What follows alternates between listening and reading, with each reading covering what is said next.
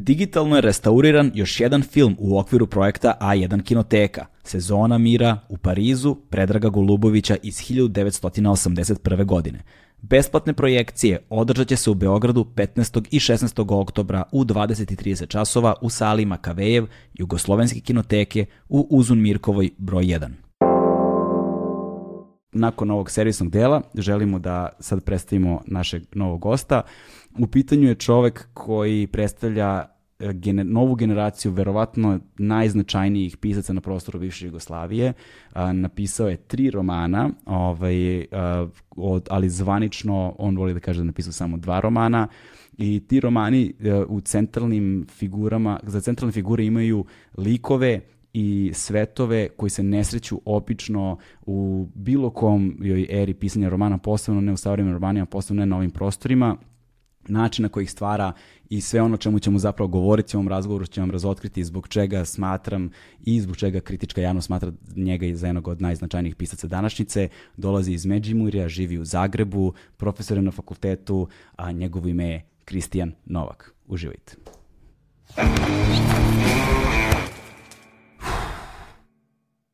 Hmm.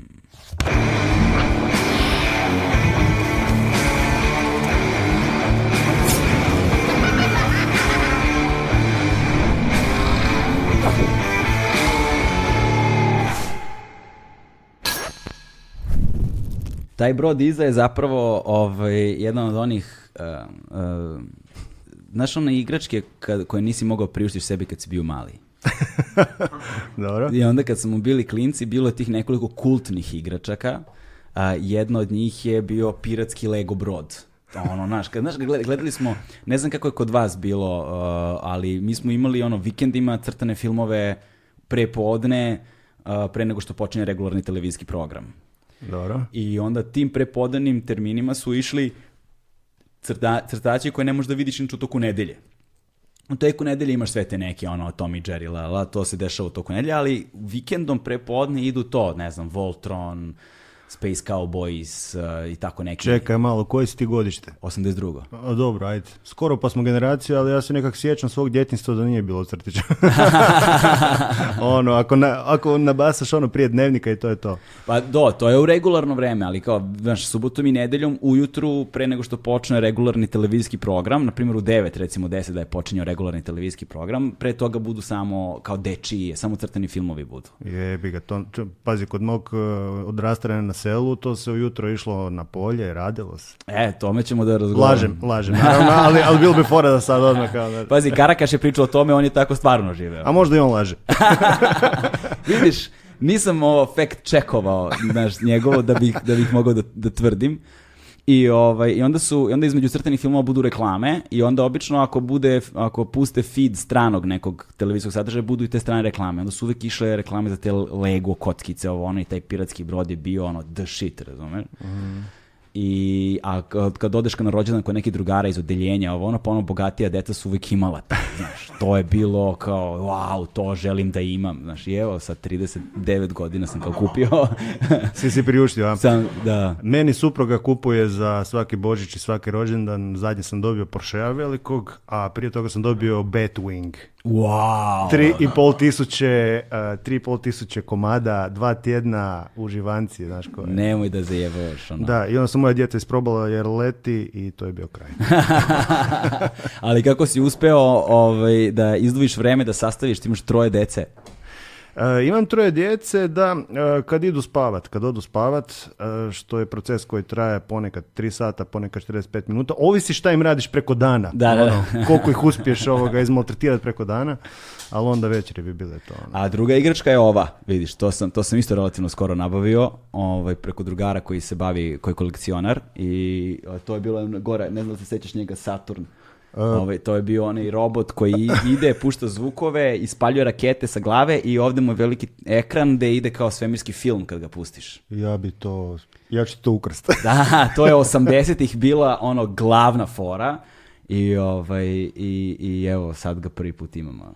Znaš Odakle je to? Ko, je to produkcija? Je to Rusija neka? Ili? Ne, ne, ne, ne. Nemam pojma. Mislim da je to američki ono neki, ali zaista nisam stručnjak. Ne, šta god da kažem, lagao bih. Tako da, izmislio bih u suštini. Ne znam. Samo znam da je to bilo tada i onda sam bio fuzonu, jao, sanjao sam na trenutku, nemam pojma šta je bilo, rekao sam ja ovo želim.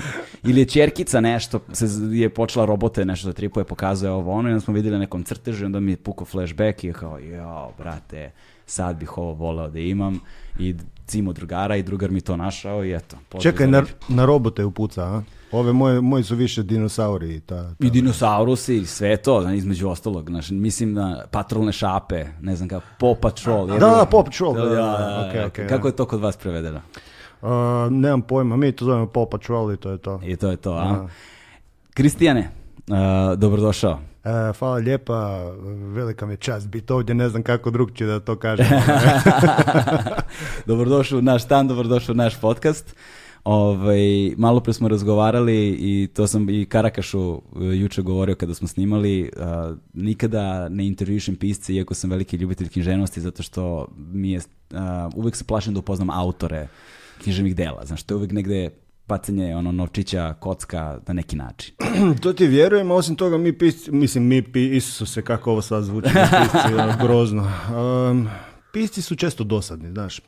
I mi, da bismo nekako se dopali ipak ljudima, unatoč svoje dosadnosti, ono napišem, pokušavamo napisati, ne, napisati nešto što je, što je zanimljivo, pa onda eto tu i tam ispadne neka knjiga. Ali ja te totalno razumijem, nemoj, nemoj intervjuirati pisce. Da, to mi je ono, zaista želim da približim ljudima ono, ovaj, zato što negde je zapostavljen i stvarno stavljen u zapečak već ono, decenijama negde unazad, um, ali ali je stvarno veliki rizik ono razgovarati sa piscima, ali u slučaju Karakaša i tebe to prosto nisam mogao neka, nisam dos, mogao sebi da dozvolim da, da, da ne iskoristim priliku sad kad dolazite ovde da vas intervjušem zato što... To je bilo i, jače od tebe, a? Apsolutno jače od mene.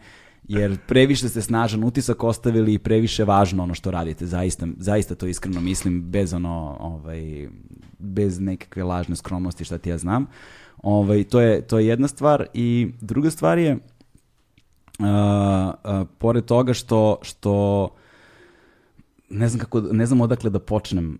Um, ajde da počnemo ovako. Uh, ti si napisao dva romana, je li tako? Ove... Ovaj, sam treći zapravo, e, ali taj prvi to bolje ne spominja, to je to ni moja mama nije pročitala, ona može misliti koliko je bio loš. Ono.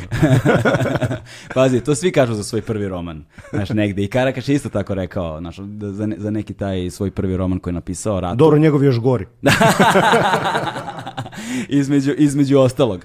Ovaj, hajde samo da, da napomenemo ljudima koji možda ne znaju, dakle, dva romana, dva romana koje sam ja pročitao, opet, sad ću opet da pobrkam. Črna mati zemla. Bravo. Ja, Bravo. da, Črna mati zemla ovaj, i druga Ciganila najljepši. Um, uh, su romani koji su, koji su vrlo specifični prvenstveno uh, jezikom, a potom i geografijom svojom, uh, a onda na trećem mjestu i likovima koje su centralne figure tih romana, kakve zaista do sada nisam, barem ja nisam imao prilike da sretnem u, u književnosti, posebno ne u savremenoj književnosti. Ovaj, oni su smešteni, radnje su smeštene u Međimurju, Sada za našu publiku moramo da objasnimo malo kontekst Međimurja da bi sve dobilo nekakde jasniju sliku. oni koji su čitali Roma, romane apsolutno razumiju o čemu govorim, oni koji nisu valjda će razumeti. E, šta sad da kažem ako me neki Međimurec ovoga bude slušao pa da kažem nešto ružno? Ono, neki kažu, ne znam, Međimur je Slovenija za siromašnje, ne znam šta. Mislim, ja, ja obožavam, e, to je najsjeverniji dio, dio Hrvatske. Ja sam skroz na sjeveru gore, ono, odmah ispod Mure, odmah preko je Slovenija. Mura je zapravo rijeka, jel Mura je rijeka, da, na Međimurje između e, Mure, s gornje strane i Drave s donje strane, šta ja znam, imamo jedno 100.000 stanovnika, i tako, fi, fino mi je gore, ja bi se tam vratio, znaš, ono, ja živim već 20 godina u Zagrebu, kojim je mm. ok i zavolio sam ga s vremenom, ali ono, ja bi na selo, brate, ono. Da. Tako da, se ovoga, ufam da ću zaraditi ono hrpu para. Da. E, i, onda, I onda se vrati tamo. Samo to moram još objasniti ovoga svojoj, svojoj ženi. Znam kako ta procedura ide. Da, da ovoga. I ništa, mislim, ono, to je nekako Kažem, ono, uvijek mjesto na koje se vraćam kad, kad, kad idem e, propitivati tko sam, što sam, uvijek, uvijek ti korijeni vuku nekako tamo. Ne? Mm. Koliko god sam sad, evo sad, sad već zapravo više života sam proveo u Zagrebu nego što sam, što sam proveo u Međimurju. Ne? Ali te Međimurje formiralo. Znaš, I onda možeš ti da odeš koliko god hoćeš, ali postoje čvrsto i duboko urezane stege identiteta koje koje su neodvojive i kojima se zapravo negdje uvek u životu svi vraćamo. Da, iako mi se sad već smiju kad se vratimo u Međimurje pa pokušam ovoga opet govoriti ko oni, onda, e, ono, onda, onda, onda kreće sprdanje na najveće. E to, dakle Međimurju se govori, sad ću reći, to je kajkavski, jel tako? Tako je. Kajkavski. u Dalmaciji je čakavski, jel tako? tako nešto? Pa dobro, jedan dio Dalmacije je štokavski, a Istra i neki otoci su čakavski. Čakavski, čakavski, štokavski, kajkavski. Šta su odlike kajkavskog jezika? Pa, e, ko prvo ta, jel, ovoga, e, odnosno upitna riječ kaj e, i što nas generalno nitko osim kajkavaca ne razumije baš previše, ajmo to tako reći.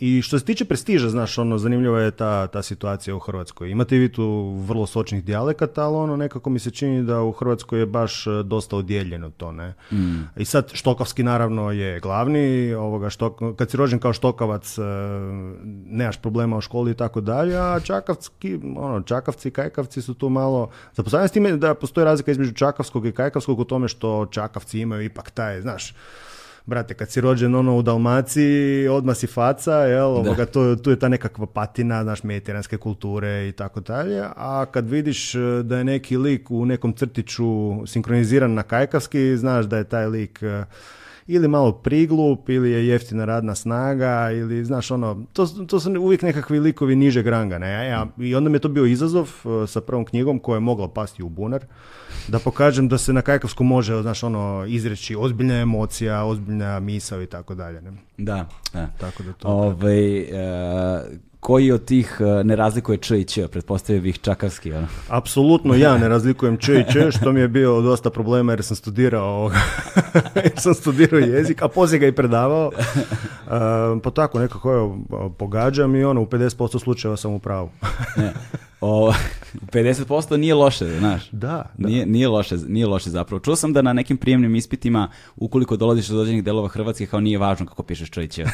da, pa je. Da, se zapravo toleriše na neki način. Pa ja, evo, ja se ne mogu sjetiti ni jedne riječi zapravo u hrvatskom gdje, ja, ja bih to ukinuo jednostavno, znaš, ono, da bude jedan, da bude crtica i bog, ono. da, da, da. Šta što se zabava dalje. Čuj, ukinuo, pa svi do kako, znaš, sada se to sad pluralizuje zapravo, sad se svi još više delimo i ono, distinkcije, narcizmi, malih razlika su sve snažniji i snažniji. Znači. Eto, vidiš koliko je ta moja pomisao zapravo ovoga globalno, globalno bitna. Ona. Da, apsolutno. Ajmo, se ujediniti pod jednim čovjekom. Da, apsolutno, apsolutno tačno. Ovaj, e, u aj, kako bismo sada, a u Međimurju, između ostalog, pored tog ajkapskog govori se i taj, ta neka kombinacija zapravo slovenskog i, i, hrvatskog jezika, kako, ne znam kako bih ga objasnio. Mislim, ja čitajući roman sam provalio, sam boravio neko vreme u Sloveniji da ima veliki broj vrlo sličnih, ako ne apsolutno istovetnih reči koje se koriste samo malo na drugačiji način. Pa da, mislim, cijelo to, to područje je jedan ono, kontinuum jel, dijalektnih oblika, tako da ovi koji su preko, mm. preko puta nas u Sloveniji govore vrlo slično nama, pa onda malo različitije, pa oni koji su još iza brda, oni opet govore slično, ali još malo različitije i tako dalje, tako to ide ovoga u beskraj, ne? Mm. Ovoga, ali um, u Međimurju se osim znači to kajkavskog, e, naravno u školama se govori jel, standard, e, ali, ali budući da ima sve više Roma, onda i bajaški taj sad već jako bitan tako da ovoga, i dosta učitelja i dosta socijalnih radnika već govori taj bajaški, jer ono, to je jedini način kako zapravo možemo, možemo ići dalje. Da, da, da. Koje su zapravo odlike bajaškog? To je, e, e vidiš, e, to je zanimljiva situacija kod međimurskih Roma. Oni su Romi bajaši i oni kad govore bajaški, oni njih e, drugi Romi u Hrvatskoj većinom ne razumiju jer oni govore baš romski. A bajaški je staro rumunjski dijalekt koji zapravo, dakle, oni su zbog toga što govore i drugčije od ovih ostalih Roma u stanju dvostruke drugosti nekakve, ne? Mm. Ono, em, mm. em ih većinsko stanovništvo na neki način, jel, ovoga, e, getoizira, a s druge strane i drugi Romi će ih teško priznati kao svoje, tako da ono, baš su u specifičnoj situaciji. Ne? I ono što je recimo meni kod Ciganina najljepši, uh, jedna od najdivnijih karakteristika, odlika zapravo romana jeste što si ti kao centralnu figuru jednu od centralnih figura u svom upravo postavio uh, jednog romskog lika i celokupnu romsku populaciju koji više nisu u sporednim ulogama, nisu u nekakvim pratećim ulogama, nisu ukrasni elementi dočaravanja sveta u kojem se nalazi u ono intramundijalnosti jel te, dela. A, nije ono kusturičin fazon i ne znam ti ja šta, nego su zaista postavljeni kao glavni centralni likovi oko kojih, koji su stožeri radnje, stožeri, razumeš, ideja i motiva koji, koji, koji aktivno učestvuju i neodvojivo u svetu dela koji ti stvaraš i imati Rome za glavne likove u romanima je nešto što zaista sad, znaš, neću reći da nikad, jer nemam, nisam zaista toliko načitan, ali se izuzetno redko sreće. Sad ne znam da li imaš nekih romana, barem ovdje sa područja koji su poznatih, da, da, da su tako stavili te likove u centar dela. Da, e, prije, mene, e, jednu godinu dana je izašao e, super roman um, Oblak boje kože Nebojša mm -hmm. Lojanovića, gdje isto je, je centralni lik Rom što je super, jer na neki način pokazuje, on ja smo si super, ali e, nismo si međusobno ovoga spojlali, nismo si pičali svoje, Ovoga, svoje ideje, tako da je očigledno sazrelo vrijeme da da Romi od, od one uvijek pozicije, znaš, ono, ili ćemo mu se nasmijat, ili ćemo ili ćemo kad čitamo što radi, znaš, se zabezeknu, šokirat ovo, ono, i jednostavno postanu trodimenzionalni likovi, ne, koji mhm. su, doduše, jel, na neki način sudbina im je to odakle dolaze, ali s druge strane oni imaju svoje, svoje, e, svoje osjećaje, svoje, svoje nekakve namjere, svoje, svoj, svoj put, odnosno svoje, svoje nekakve unutarnje kontradikcije. Ne? Mm. I to je, uf, evo, četiri godine sam radio taj, taj roman, ja mislim da jedno dvije i pol ili tri godine sam mislio da, da to nikad neću dovršiti, odnosno da nikad neću dovršiti ono u smislu da, da me neće biti sram to, Aha, to izbaciti, jer e, četiri su narativne linije unutra, i sve sam ostale ispisao, ali taj lik mi je na početku bio sav nekakav dobar. Sav je bio, znaš ono, kristolik. U mm. smislu da što god da mu se dogodi, on je sve svima opraštao, sav je bio dobar. E,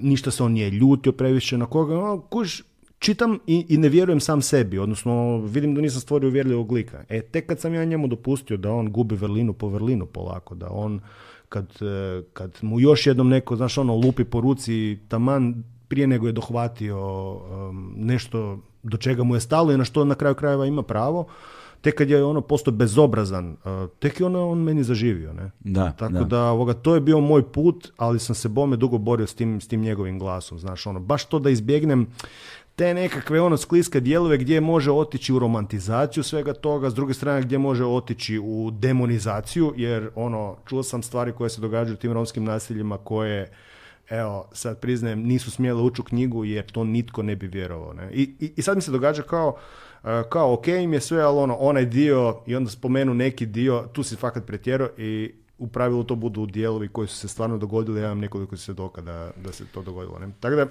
ovoga, bio sam na vrlo, vrlo skliskom terenu, ali sam ono, neki glas mi je govorio ono sam nastavi, odi dublje i dublje i dublje i dublje i na kraju je ispao, čini mm. mi se, čini mi se trojdimenzionalni lik. Ne? A1 je prvi prijatelj audio izdanja Agelast podcasta. Apsolutno jeste. I sada tu nekoliko stvari. Ono, s jedne strane, da, ta pozicija večitog drugog u kontekstu romske populacije je nešto sa čime je vrlo teško izaći na kraj, jer kada, jer kada daješ određene negativne osobine svom junaku koji na neki način bi trebalo da bude i, ono, i krvnik i pravednik da bi imao tu zaista pravu ljudsku dimenziju mm. i te kontradiktornosti unutar sebi i moć iracionalnog u svima nama je zaista naš, ne, neodvojivi deo nas i niko od nas nije čisti niti takvi ljudi čini mi se postojili su ikada postojali. Samo ideali mogu da budu takvi kako im se težimo, ali ništa dalje od toga s jedne strane, a onda ne ući u kliše, ne ući u ono, znaš, diskriminatorne matrice, da kaže evo ga, ovaj vidi kako piše o ciganima, znaš, da ne bude taj, da, ne bude to s jedne strane, a opet kažeš da ne bude e, romantizacija ili kada, kad, ili da se ne hoda po, onom, e, po onoj oštroj liniji, oštrom nožu e, sentimenta patetičnog nekog ili šta ti ja znam i da i tu opet to je jako jako klizav teren.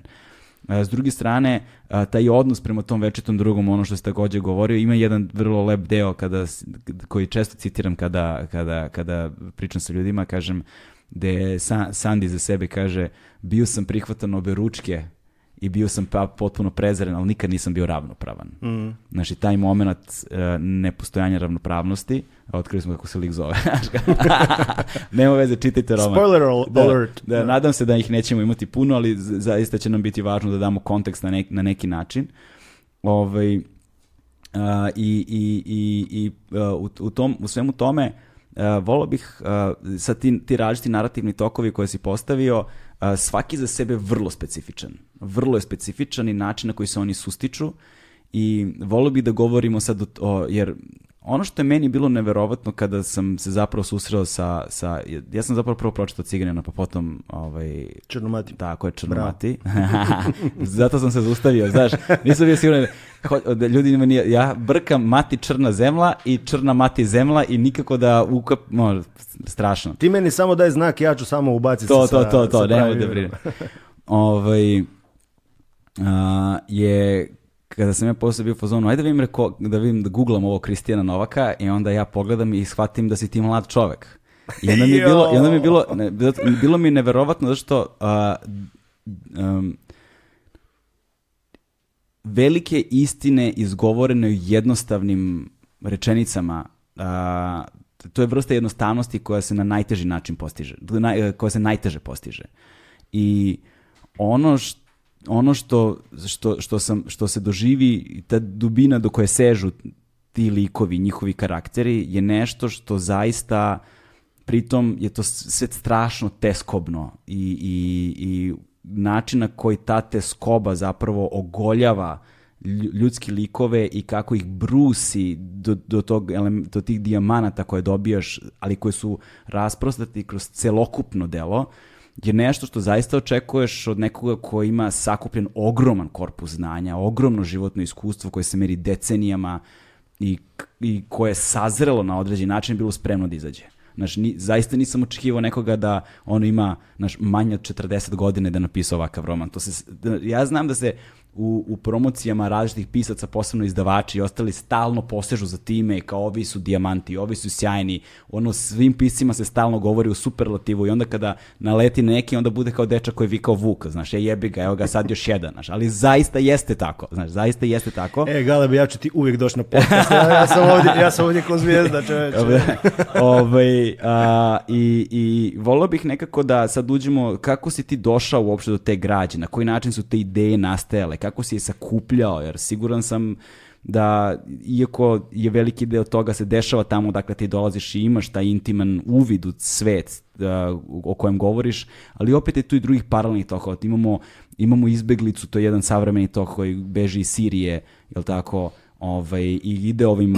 Odnosno iz Mosula. Iz Mosula, pa znači ide, ide ovim izbegličkim, izbegličnom rutom koja je poznata a, i ono što mu se dešava na putu. Imaš e, junakinju jednu koja tu dolazimo do jednog ljubavnog e, odnosa koji je vrlo specifičan i uh, načina na koji društvo posmatra taj odnos, kako oni sami sebe definišu u tom odnosu. To su ipak sve neke stvari do kojih si na neki način morao da dođeš. Um, hajde da počnemo prvo od tebe kao autora.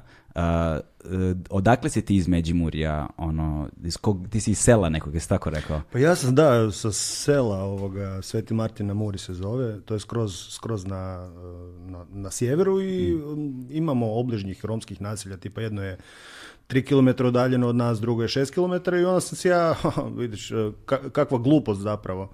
Imao sam ja ideju da, da treba napisati roman o tome, odnosno ideju. To, to je nije, nije u smislu to bi trebalo, nego ja to moram. Mm. Znaš, ono, moram na neki način razriješiti te nekakve dvojbe kako se to dogodilo, moja baka, e, zapravo njezina najbolja prijateljica u nekom trenutku je bila Romkinja koja bi jednom, jednom tjednu dolazila u selo, one bi pile kavu na verandi i one, bi si zapravo pričale puno intimnije stvari nego što je baka nama više govorila, znaš ono.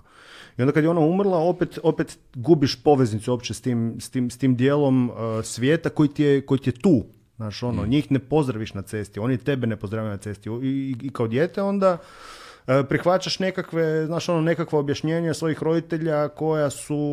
Oh, koja služe zapravo samo tome da te skinu, da, da te čim prije skinu s tog, s tog, pitanja, a to meni nije bilo dovoljno, ne. Meni je mm. jednostavno zanimljivo za, zašto tamo žive ljude s kojima, s kojima mi koje ne zovemo na rođendane, koje, s kojima se ne družimo generalno i tako dalje. Ono, tako da je to uvijek, uvijek bilo nekako u meni, a i sam, a mislim, ako nije, ne, ovoga, u nekom trenutku svog djetinstva ah, bio, bili, bio ili u poziciji izopćenog, barem ne neko kratko vrijeme, ili bio u poziciji onoga koji, koji je buli. Koji, mm. koji je nasilnik. Negdje sam pročitao da djeca kao do, do, do osmog razreda osnovne škole dožive više agresije od svojih vršnjaka nego u cijelom životu poslije toga. Ne? To, to me totalno otpuhalo. Ovoga, tako da sam imao veliku potrebu to i sad, e vidiš, to pisanje moje, ne? ja generalno eh, nisam multitasker. Ne znam raditi više, više stvari odjednom. Znam, moja žena kad kuha onda ono, pristavi vodu i onda obavi još pet stvari, znaš, ono, ja kad idem kuhat, ja pristavim vodu i onda gledam u tu vodu i, i čekam da se nešto dogodi. Ista stvar je sa pisanjem, znaš, ono, to je taj moj jedini prostor slobode i eh, koliko god si puno, stvarno jako lijepih stvari rekao meni, ja zapravo vidim samo, samo velike rupe u svom pisanju i vidim se kao pisca koji još puno toga mora naučiti i svjestan sam da, da bi si dao malu šansu da stvorim nešto što nije smeće, mhm. nešto što je korektno ili nešto što ide prema onome da, da nekome bude zanimljivo i dobro, da moram biti na, granici, na potpunoj granici svojih mogućnosti. Tako da moram plesati uvijek na onoj granici, ok, sad si zade zadatak za koji ti se čini da nema šanse da ga ikad ispuniš. Ne? Tako je bilo i s Černom Mati, tako je bilo i s Ciganinom. Ono. Znao sam da će biti četiri narativne linije, a da samo čitatelj kad pročita sve četiri zna pravu istinu ili si može stvoriti dojam o tome. Ne? I nisam znao naravno u šta se upuštam i zbog toga je trajalo četiri godine, moglo je trajati više.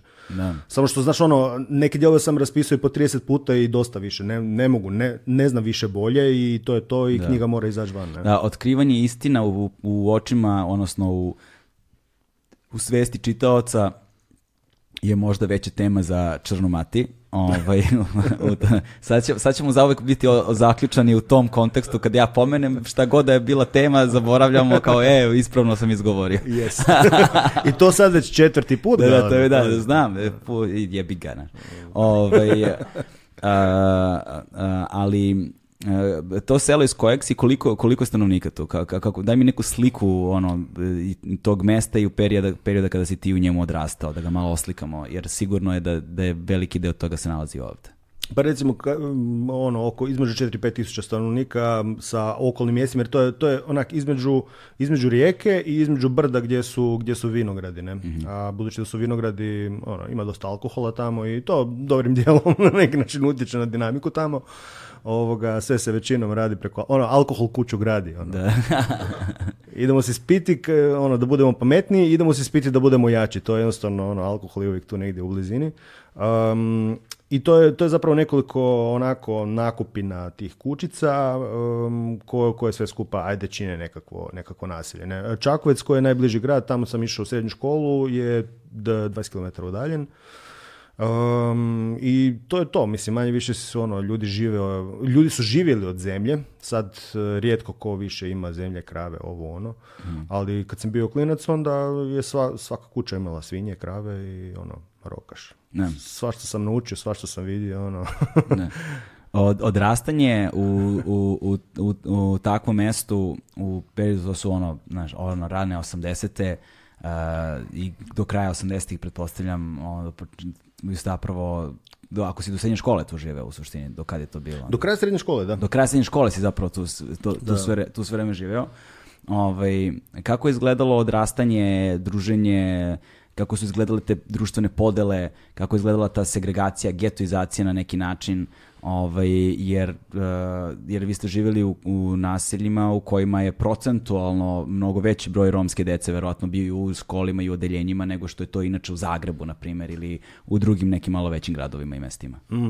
Pa ovako, moje selo, to, to, je nekako čudna administrativna podjela da e, su u moju školu išli isključivo Hrvati, mhm. a Romi su, koji su i živjeli blizu nas, su išli po drugu općinu, u Mursku središće, tako da smo mi samo čuli šta se tamo događa i tako dalje. Aha ali su recimo kod nas išli u crku. Um, tako da, da su, su bili uvijek negdje, negdje na granici, negdje na sredini, a segregacija baš, baš ta, ne, nešto neimenovano, nešto što je neizrečeno, ali ti znaš da, da njega ne pozdraviš na ulici. Znaš, ono, na, na selu svakom kažeš Bog, dobar dan, jesi ga, jel ga poznaš ili ga ne poznaš, to, to je podnormalno. Mm. Tako, ono, kad sam došao sa 18 godina u Zagreb, onda sam počeo pozdravljati ljude po cesti, pa, ono, sam bilo čudan. Ali ovoga, uglavnom, to, to je nešto što, što nitko ti ne kaže e, da se tako trebaš ponašati, nego jednostavno ideš za krdom. Da. I to je, kod djece u, u, baš... kom, u kom trenutku ti počinješ zapravo da svešćuješ tu vrstu normativnosti? Dakle, sad, ja, mislim, svi mi to razumemo na neki način, ali treba nekako plastično dogovorimo o tome da bi to bilo potpuno jasno stvari koje su ti a priori date negde u životu, ne dovodiš u pitanje, neki ne dovode nikad u pitanje, prosto prihvataju svet kako je postavljen i idu kroz njega prihvatajući ta pravila, dok neki drugi koji su možda malo svesni ili kojima, koje je život u nekom trenutku možda malo bacio od nemila do nedraga, pa počnu da postavljaju pitanja da ispituju, da preispituju zapravo podeljene ono normativne vrednostne neke ovaj stavke sa kojim, koje su im date.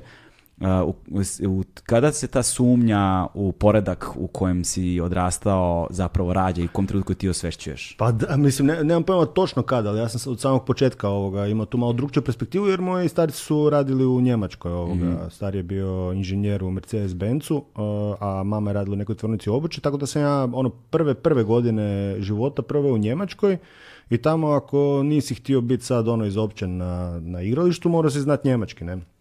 Tako da je bio, bio taj trud, a onda kad, kad bih došao doma, onda su me zvali Auslander. Znaš, ono, bio sam Auslander gore, pa sam bio Auslander onda i doma, dok nisam ono dobro naučio kajkavski. E, i sjeća se, imao sam jednu parka, parka jaknu e, za koju bi sad dao ono puste pare, ali imala je, imala je ovu, e, zastavu Njemačke gore. Aha. Ja sam toliko mrzio nositi tu jaknu zato što ovoga, znaš kak je to bilo ono, još, još krajem Jugoslavije nije bilo ovih podjela, nego je bilo ono, borili smo se protiv Njemaca u drugom svjetskom ratu i sad ono, ti si Hitler i, i tak dalje. Ovoga, tako da sam ja na neki način, e, to, to nije bilo ni približno ovome što ja opisujem, ali sam samo sjetio što znači biti drugčine. Mm. Jel, jel smijem postaviti pitanje, kak je, kak tebi bilo? Mislim, jesi... pa, znaš, tu, tu, su, tu su one, one, one, stavke unutar romana koje, sa kojima sam se ja identifikovao, znači koje sam ja snažno prepoznao i bilo mi je da, zaista drago da vidim da postoje autori koji umeju da adresiraju te stvari na pravi način. Ove, ovaj, I ja za sebe volim da kažem da se negde odrastao između svetova znaš, mm. jer, jer ti vidiš svetove u kojima se, si se obreo na neki način i vidiš jednu vrstu kako bih rekao, otvorenosti, dobronamernosti, znaš, osjećaš se lagodno, osjećaš se komforno, osjećaš se kao da je to sve ok, ali se i dalje osjećaš kao da si u gostima, u jako dobrim gostima, ali si u gostima. Ovaj, okay. Ovaj, nekada to bude vrlo neprijatno iskustvo u gostima, s vremena na vreme, nekada malo češće, ali u suštini to je baš ta rečenica, naš obožavan i prezren, ali nikada zaista ravnopravan. Nikada u potpunosti, do kraja, u svim životnim aspektima da osjećaš da nema nikakve razlike među nama.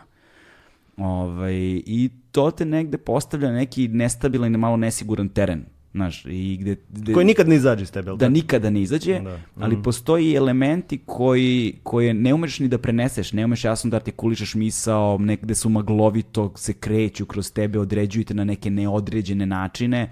I svaki pokušaj artikulacije misli negde se jalovo i bez veze završava, a nemaš sagovornika. Mm. Znači, onda kad probam da adresiram možda na ispravan, možda ne tako ispravan način, jer ni sam ne znam, da verbalizujem, da, da, da materializujem to neko stanje koje osjećam, ne najlazim na sagovornika, ne najlazim na uši koje mogu da me razumeju. Ili čak mogu da razumiju, ali ima svojih problema. Ono, ne? E, to, to je, da, to je, mm. to je, drug, to, je, to je generalno za sve ljude, inače, znaš, znači, na kraju dana su negde prave patnje, najveće patnje, njihov fundamentalni problem je zapravo njihova nedeljivost. Znaš, mm. ti nju nosiš sa sobom, neko može da zna tvoje hagiografske ono, podatke, jel te, ali ne može da deli tu tvoju patnju. To je ono, to je, to je to je sve to područje na kojem bi roman trebalo da bude, da mm. nas uvezuje i da nas prožima na te načine, da imamo kapacite da razumemo sebe i druge i sve to u kojima se nalazimo. Um, I onda da, to je s jedne strane s jedne strane to, ali ta nemogućnost saopštavanja, znaš, ta nemogućnost deljenja, znaš, ta os, osuđenost na usamljenost je ono što je negde teskobno stoji i onda imaš te neke, to neko osjećanje kao klinac recimo nepravde, ali koju ti ne razumeš kao nepravdu, znaš, nemaš ti Nego to je tako. Nego to je tako, to je datost i ta datost rađa teskobu, ta teskoba rađa neko osjećanje tuge, nazovimo je, ali ta tuga je vrlo često ne samo neko, beskorisna, mm. nego je vrlo često i kontraproduktivna. I on ti sa njome ne znaš šta ćeš, pa je vremenom transformišeš u bes, u agresiju, naš, koja je naš, često okrenuta ka samom sebi, kroz nekakvu autodestrukciju, vrlo često i ka najbližim ljudima, da li kroz ono, naš, e, kroz, kroz, najbliže ljude u različitim prisnim odnosima, mm. Ovaj, i, I onda često srušiš, spališ mostove, naš, eskapizmi najrazličiti naš, da, li kroz ko, da li kroz substance, da li kroz neke druge stvari u životu, okay. ali sve si, samo nisi ono što jesi. A teško ti je da otkriješ šta si. e, bez namere da odem u, u preveliku bedaru, jer ovoga će pa, ljudi, ljudi početi gasiti.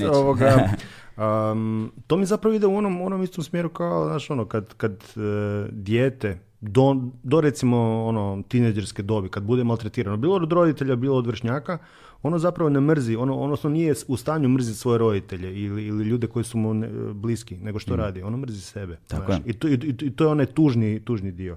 I još jedno pitanje imam za te, ak smijem. Jel, jel si zbog toga ovoga, osjećao da se moraš potrujiti puno više nego, nego drugi? Ono, jesi zbog toga postao čiver? Uh,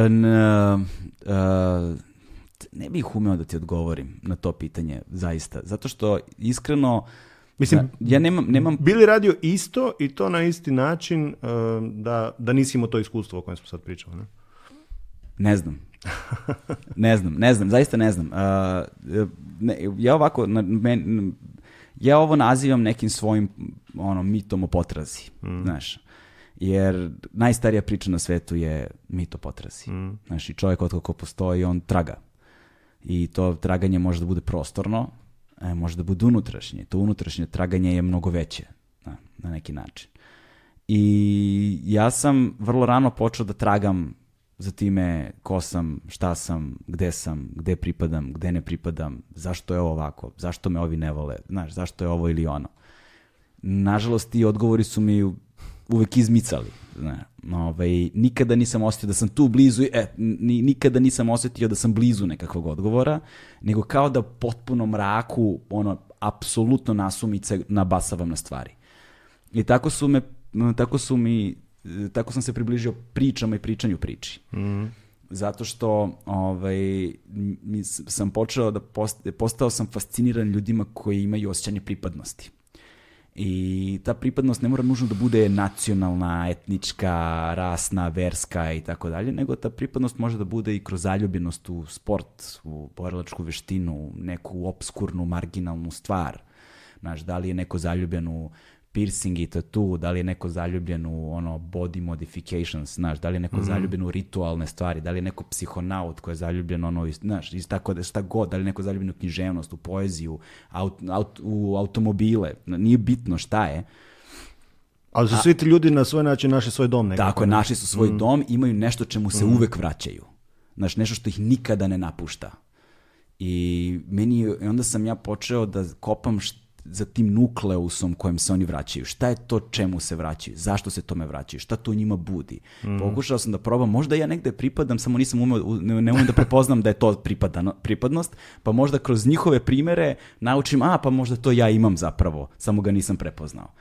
I onda sam, da, i onda sam shvatio, i onda sam shvatio da sam u jednom trenutku bio u ovom svetu, pa u onom svetu, pa u ovom svetu, pa u onom svetu i kad sam nanizao jedno 150, ne znam, hiljada nekih svetova u kojima sam bio i preneo njihove priče, onda sam skapirao, hm, kao, pa ja sam putnik tako je. Znaš, znači tvoj, tvoj ovoga dom je zapravo traganje, ne? Tako je, da, da, znaš, na neki način. Mm. Ovaj, recimo, eto, znaš, ako je to odgovor na tvoje pitanje. To, totalno, mislim, to povlačiš jedno deset pitanja. Ovaj. ali nismo, ali nećemo, da, da, da, da nismo, zato, nismo, nismo tu. Um, zanima me e, u kom trenutku ti počinješ e, da pišeš, šta je to čime se baviš i, i kako dolazimo do evolucije ovoga što ja držim sad ispred sebe na stolu. E pa, mislim, dragi Galebe, drug je bilo pisat e, uh, mati zemlju i onaj prvi grozan roman, zato što nisam imao klince. Ovoga. I onda sam ja ono fino, ujutro bi si uzeo 2-3 sata da, pišem, pa onda odeš na posao, odradiš svoj posao korektno, ono, navečer još malo radiš, e, i napiše se roman za, za četiri godine. a mislim, to, to je moj nekakav ciklus, znaš, ovoga, olimpijski. ciklus, da. S time da sad već ovoga e, kaskam, jer ovo, 2016. je izašao, krajem 2016. šesnaest izašao Ciganina, od mene još ništa, ono kao... Dobro. Ali sam čuo za roman na kojem radiš. Neko mi je rekao, od, od Saleta iz Beopolisa kada si kod njega gostovao pre... Sale laže. ne, ne, ne, ne, znam. Sjećam se da sam tad pričao nešto, ali e, ne sjećam se više što sam pričao, tako da mogu da se potpuno Da si ušao neki istraživački rad, za, da im si imao neku temu i materijal e, koji je opet bio, jel te, naš teskoba na način na koji su ova dva. Eto, ta, da, tak. Da, ali... Znaš, moja mama mi kaže ovoga, um, mati zemlju i, cigani ne pročitali, to je okej, okay, iako, znaš, ono i teško, ali ono rekla mi, pa daj napiši nešto di na kraju budu svi sretni. Tako da, njoj sam dužan neku, znaš, ono, romantičnu komediju i to, ne? E, moguće da, e, ja sam tad bio, ja mislim da je to bilo 2017. u Beogradu. Tako nešto, da.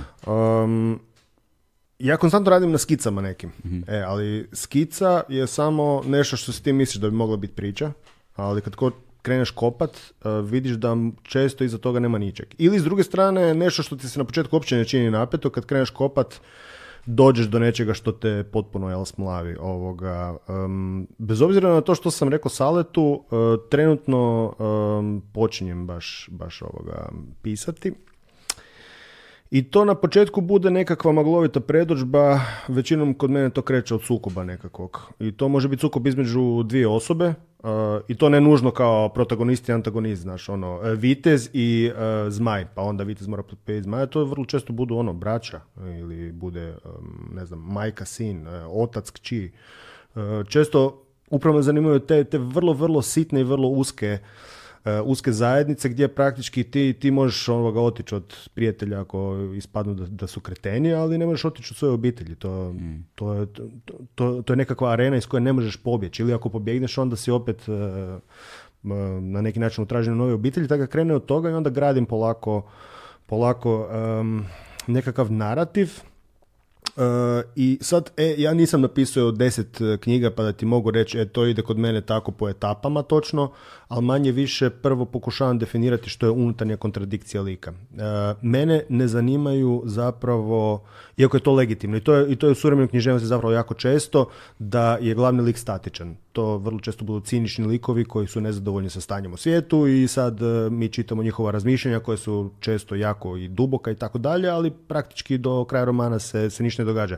Ja sam tu više on. Mene zanima promjena Zanima me onaj aristotelovski pristup. Jel imamo čovjeka koji nešto želi, a svijet se uroti protiv njega kaže e ne može, i ne može, i ne može. Jel? I Entele, entelehija. Da.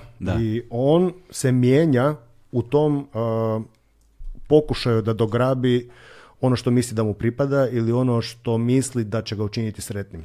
Mhm. Uh, tako da um, meni ide sve prema tome E, ne zato što volim čitati i gledati samo takve filmove, e, nego zato što mislim da, da smo mi kao, kao ljudi smo nasađeni tako da nas to zanima. Ne? Um, unutarnja kontradikcija. Dakle, čovjek mora imati nekakvu čežnju mm. koja je u pravilu nešto što je opipljivo. Tipa ono, hoću imati, ne znam, jednog dana hoću vojiti Mercedes.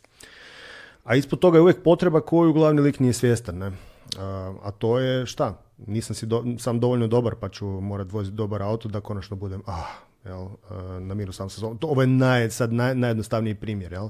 ali u prvom redu dakle e, identificiram te dvije stvari kod, e, kod glavnih likova, dakle potrebu i čežnju, ono čega su svjesni, ono čega nisu svjesni i onda pratim u kojem trenutku bi oni mogli shvatiti što zapravo trebaju u životu. Ne? Mm. Evo, budući da pišem takve jel, turobne knjige, moji likovi to u pravilu saznaju prekasno. mislim, meni je, zašto sam te pitao prije, jer e, Sandi kao glavni lik zapravo, centralni, e, oko kojeg je sve fokusirano, on e, želi pripadati svijetu bijelih. On je, on je bio Rom, bio je tamo i rekao je ovo nije za mene, ja ne mogu ovako živjeti cijeli život gledaj tamo, ima selo, uh, selo bijelih, selo Hrvata, vidiš kako oni žive uređeno, ne ubijaju se, ne maltretiraju se, ne pucaju s kalašnjikovima. Sad nedavno je upravo bilo jedno ubojstvo s kalašnjikovom u jednom međimurskom romskom naselju, ne nedavno, prekjučer. Ovoga, ne želim tako živjeti i ja ću probati sve napraviti da budem dio toga. To je dakle njegova čežnja. On uh, želi napustiti svoje selo i biti dijelom, uh, dijelom jedne zajednice za koju misli da je puno pravednija Međutim, cijena koju on mora platiti za to je da zapravo e, e, uđe u puno prljavije rabote nego što je to bio prisiljen kao, kao član romske zajednice i on vidi da na nekoj razini su te zajednice zapravo jednake. Jel? Ti možeš pripadati nekom samo ako šutiš njihove mračne tajne ili ako sudjeluješ u njihovim mračnim ili mračnim ili ne nužno ilegalnim, nego jednostavno stvarima koje nisu, koje nisu zdrave. Da, tu dolazimo opet do nekog odnosa, takozvanog odnosa nužnosti i slobode. Uh, u unutar kojeg uh, mi imamo svet nužnosti, nužnosti su takve zato što su nepromenljive, zato se zovu nužnosti. Mm. Što znači da mi sobstvenu slobodu možemo da izražimo samo unutar njihovih okvira. Uh, prepoznavanje te slobode je zapravo to putovanje. Znaš. Neki se do te slobode nikada ne, nikada ne dođu, neki dođu, što je recimo u grčkoj tragediji poznato, tu slobodu doživljavaju kroz, tra, tra, kroz pa, etički pad, odnosno ne kroz, kroz, zadržavanje etičke visine u tragičkom padu junaka, jel te, koji mm. ono, znajući da njegovu sudbinu okreće zaovek od života ka smrti, nepovratno donosi ipak ispravnu odluku. Za ljubav, ne za mržnju, ja sam rođena, jel te? ovaj, ali uh, ovde do, govorimo o jednom svijetu u kojem je ipak preraspodela karata e, ono u životu data njihovim rođenjem. mm Određeni su stvarima na koje nemaju nikakvu kontrolu, nikakav uticaj. I onda moraju da se snađu u tom svetu iz jednog debelog minusa. mm I to je ono vjerojatno sa čime se učavao malo pre kada si govorio priče sa kojima si odrastao. Nisi mogao da u roman, iako su istinite zato što ne deluju istinito. Da. Ali to je ono što je razlika između istine i laži. u kad govori, na kraju dana svi romani su neka laž. Tako je. Znaš, neka, neka, neka laž. Razlika u tome što istina prosto jeste. Njoj ne, ona ne mora da ispuni zakone verodostojnosti. Ti moraš laž da učiniš verovatnom. Znaš, da li je moguće da svoj ovaj plafon sad sruši da nas ubije? Da, moguće. Da li je verovatno? nije. Mm. Znaš, izvesti da to bude verovatno u književnom delu, e, to je ono gde je težak rad zapravo neophodan. Ti si zapravo sad artikulirao ovoga stvari koje sam, imao sam književnu radionicu nedavno ja, i na ovo što si ti sad zapravo vrlo jednostavno rekao sam ja potrošio jedno dva sata dobrih. Tako da ovoga, hvala ti ovo, ovo ću si, si prisvojiti. Ja, ovdje ispada kao da on mene hvali, a njega hvali, ono, ali stvarno super. Ja tebi serdere, ti meni Vojvodo i tako to. A, te, za, sada me zanimaju te priče sa kojima si ti odrastao, koje je baka pričala. želim njih da podeliš sa nama, bez obzira koliko god delovale neverovatno ili neistinito. Pa ne, znam točno na koje, na, na koje stvari misliš, ali ovoga, sam, sam bi se vratio na jednu stvar ovoga kad, kad kažeš da oni kreću iz, iz potpunog minusa. Ne? Ovoga, važni informanti za, za ciganina su mi bili u prvom redu, znači Romkinji Romi i to super je bilo dvije Cure koje su taman završavale ekonomsku i trgovačku srednju školu u Čakovcu, odlične učenice, jedna je upisala pravo, a druga je upisala učiteljsku akademiju, pazi to. Znači one su dvije od, ja mislim, 35 ukupno studenata romske nacionalnosti u Hrvatskoj. Zamisli samo to. Ono, ne završavaju škole, ali 35 ih se bilo probilo, ne iz Međimurja, nego cijele Hrvatske do akademske razine, što, je, što stvarno pokazuje da ono, ok, e, imamo, imamo nekakav napredak. Uglavnom, one su mi bile te koje su, su stvarno ovoga, mi, mi, mi davale tu nekakvu potpuno drugu perspektivu u, u odnosu na, na što sam ja... E, na što sam ja očekivao. Ja, sam znao da neću saznat pravo istinu o njima ako, ako uđem u selo i ono javim se starješini, znači ili ću dobiti odjeb, ili će me provesti po najljepšim dijelovima naselja, ono ćemo popit pivo i ono će me lijepo ispratiti van. Ja sam znao da moram ići e, preko ljudi koji, će mi, koji su željni dati mi nekakvu istinu. Znaš, ono, ti, ih možeš pitati, dobro, zašto se ženite tak mladi? Ne? Oni se praktički žene kad e, curice budu, ne znam, šesti, sedmi razred. Ne? Znaš šta je to? Ovoga. I onda kao, ono, jedan mi je rekao, kao, pa zato što se volimo, ne. Ja kažem, pa dobro, volimo se i mi, ali jel ti svačaš ono šta, šta znači ako dijete zatrudni sa 13 godina, njoj su svakakve mogućnosti daljnje u životu ovoga spriječene. I sad svjestan je on toga, ne. A ovoga, ove dvije su mi, ono, totalno, totalno iskreno rekli, kao, u naselju, čim na neki čudan način se sazna kad e, žensko dijete postane spremno za, za rodit, odnosno kad dobi prvu mengu i to na neki način totalno mijenja ravnotežu unutar naselja, e, užasno je veliki pritisak na obitelj i obitelji je u prvom redu stalo da još što prije na neki način s nekim spoji, to budu često dogovoreni brakovi, inače se događaju, događaju pizdarije, ne? inače dolazi do nasilja i tako dalje.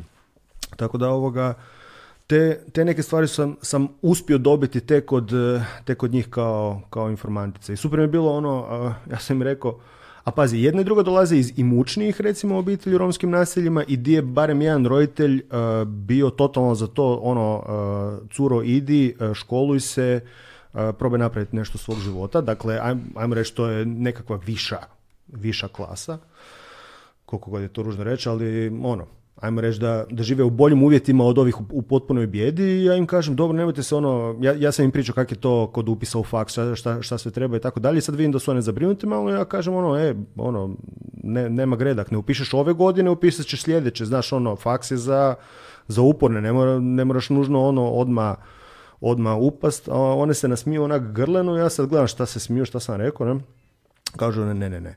Ili ćemo upisati ove godine, taman su završavale četiri razred, ili smo sljedeće godine e, udane i vrlo vjerojatno trudne. Ne? Ja, ja pitam što, ono, kako, pa ja znam i vaše roditelje ovoga, kažu one pritisak zajednice je toliko moćan da, da ti tu ne možeš, da ti tu nema van, nema mm. van iz toga. Ne? Tako da to, to je bila potpuno perspektiva koja me, koja me začudila. Ne? A moja baka, moja baka je završila četiri razreda osnovne škole i to još pod Mađarima. Ne? Ono, za vrijeme e, drugog svjetskog rata, ono kad je Hrvatska bila NDH, onda je Međimurje potpalo pod Mađarsku, ne?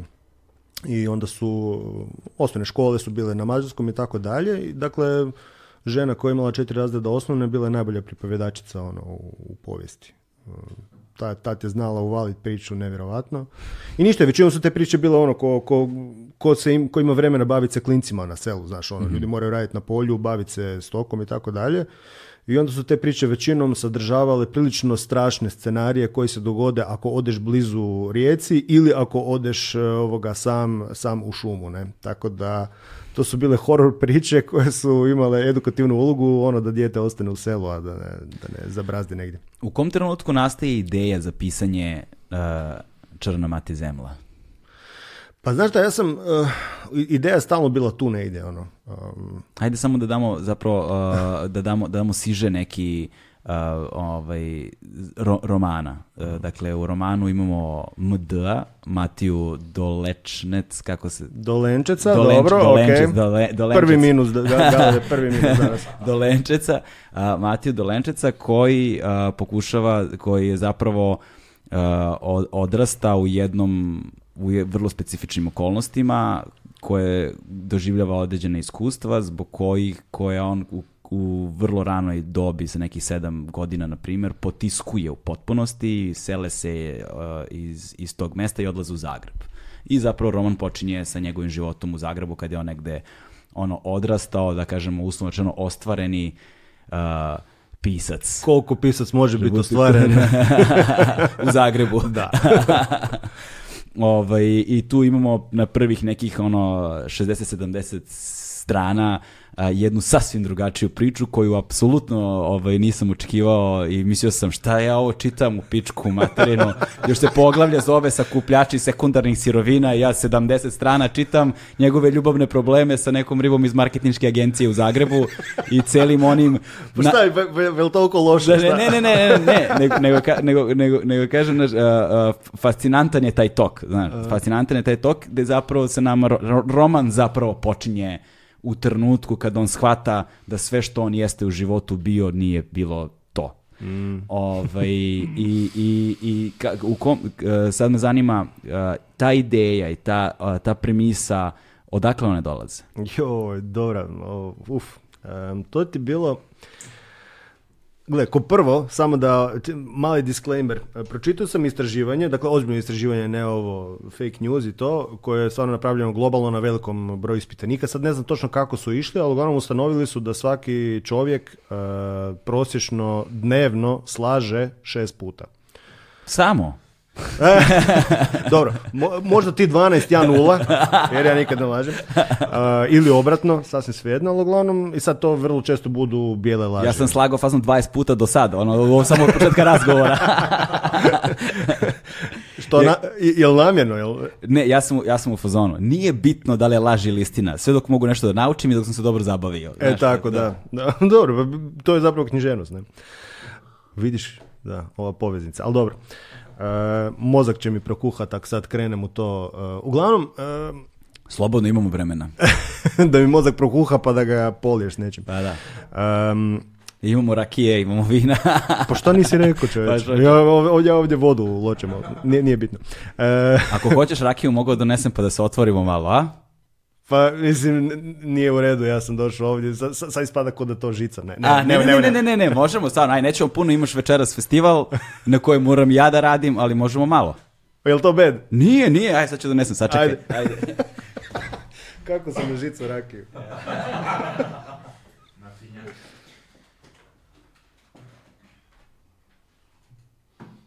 Šta će se sad otvoriti?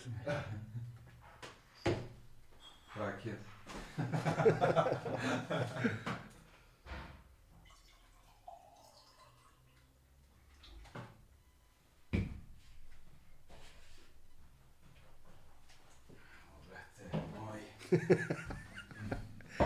e, sad kad krenu teške priče. Ništa manje nismo ni očekivali nego teške priče. Dakle, ovo ti je čista dunja. Aj, mi je zovemo Zakom jer je iz sela Zakomo kod Rogatice u Bosni. Ovaj, hoćete vi momci, ja sam donao četiri čašice, a? Moj, hoćeš, moja se mare, hoćete svi, evo. Ovaj, nema šećera, nije mešano ni sa čim. Utrošeno je, znaš koliko kilograma dunje za... Koliko? Jedan litar, pa ja mislim da oko 30 kilograma dunje ide, ja mislim, za negde za jedan Nema litar. Nema zezat. Sad Suvo je voće je prilično, znaš, nije, nije da... Ž. Ajde. Ž, momci. Uzdravlje. Ajde, Mare, uzdravlje. Dakle, gde smo stali? stali smo kako ja lažem. Tako je. To bude zanimljivo. Ovoga, e, pi, pisao sam doktorat. Mhm.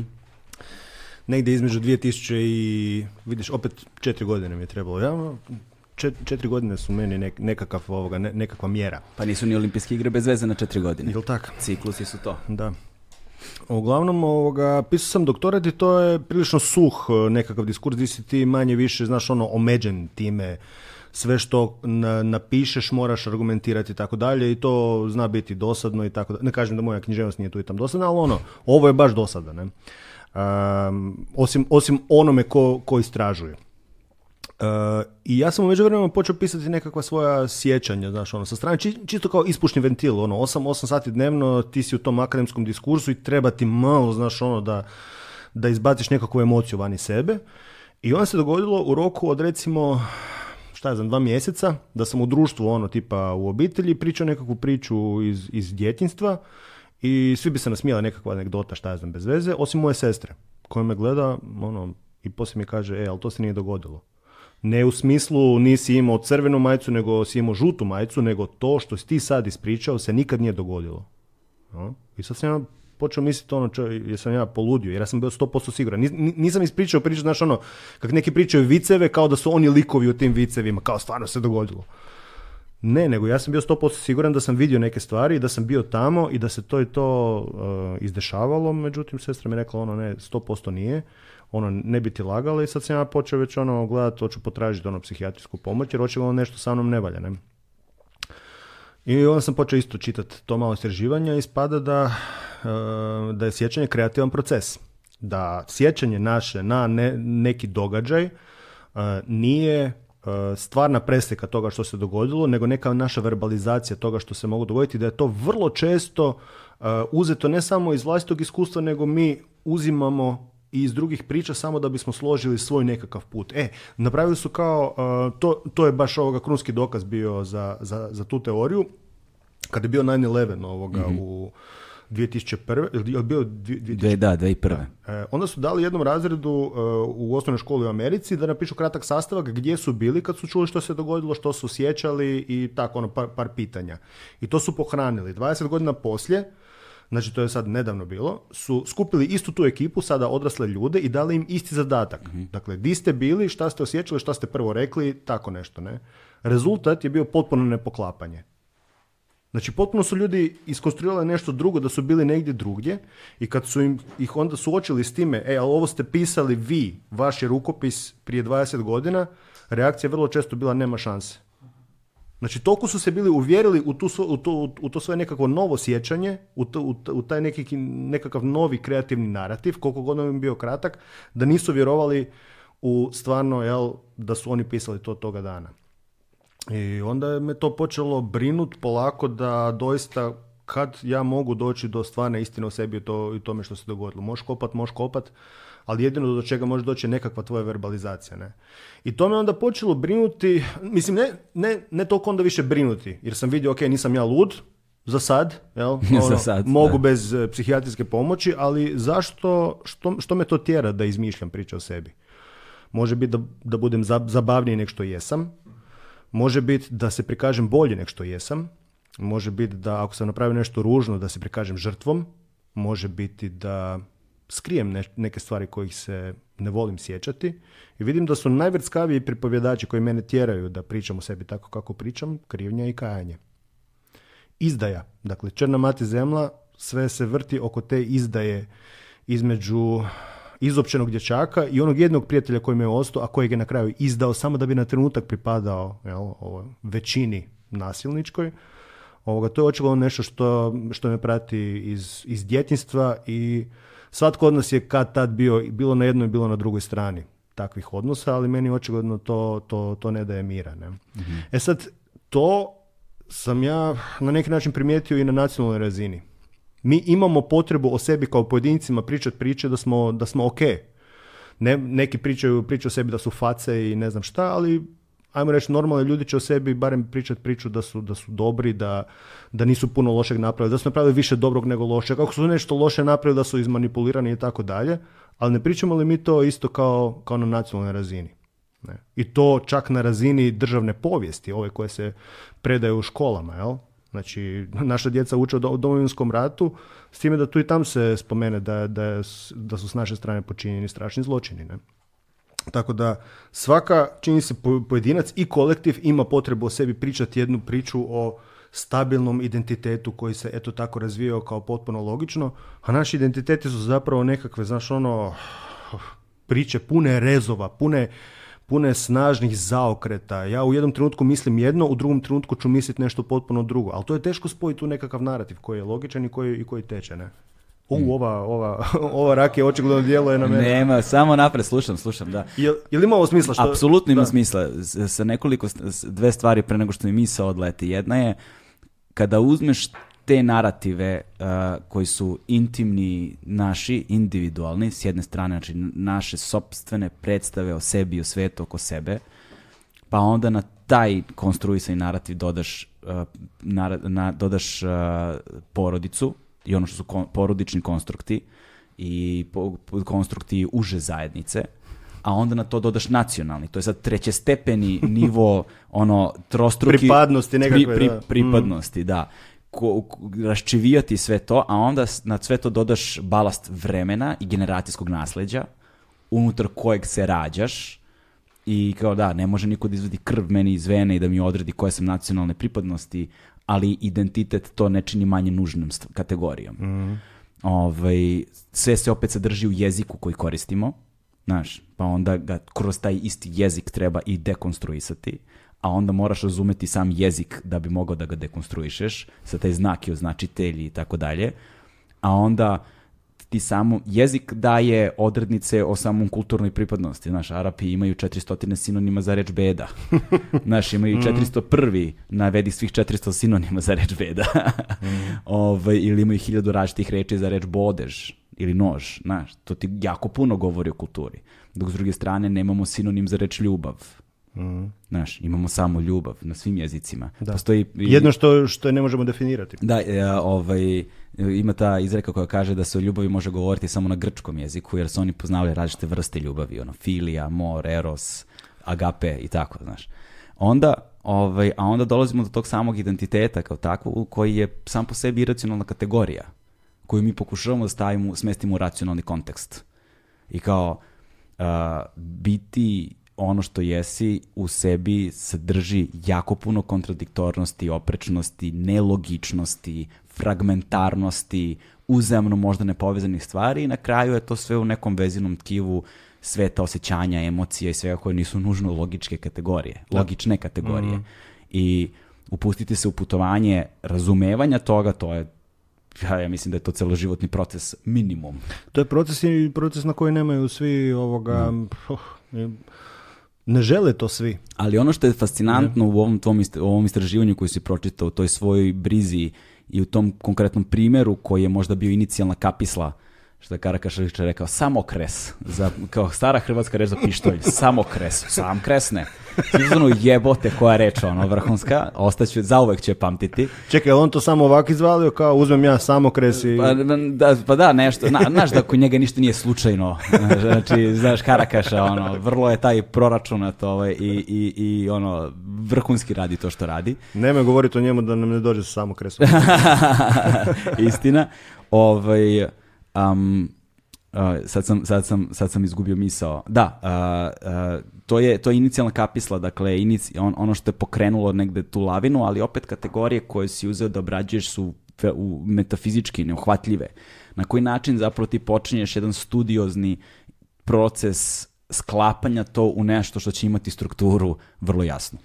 Pa u, u tom smislu je barem ovoga pitanje bilo, pitanje koje se pojavilo je bilo, um, bilo, bilo najbitnije. Ja sam bio posto siguran da, da um, moje knjige neće davati nikakve odgovore posebno ne odgovore u smislu ono citata koje će ljudi dijeliti po Facebooku ili ne znam kakvim društvenim mrežama kao, znaš, ono, kao, nekakve životne istine. Jer, jer se ni ne vidim kao, kao nekako ko je, dovoljno mudar ili, ili ko, ko zna dovoljno o svijetu ali, ali mislim da, da čak i postaviti pravo pitanje e, zna često biti vrlo, vrlo poticano, vrlo inspirativno.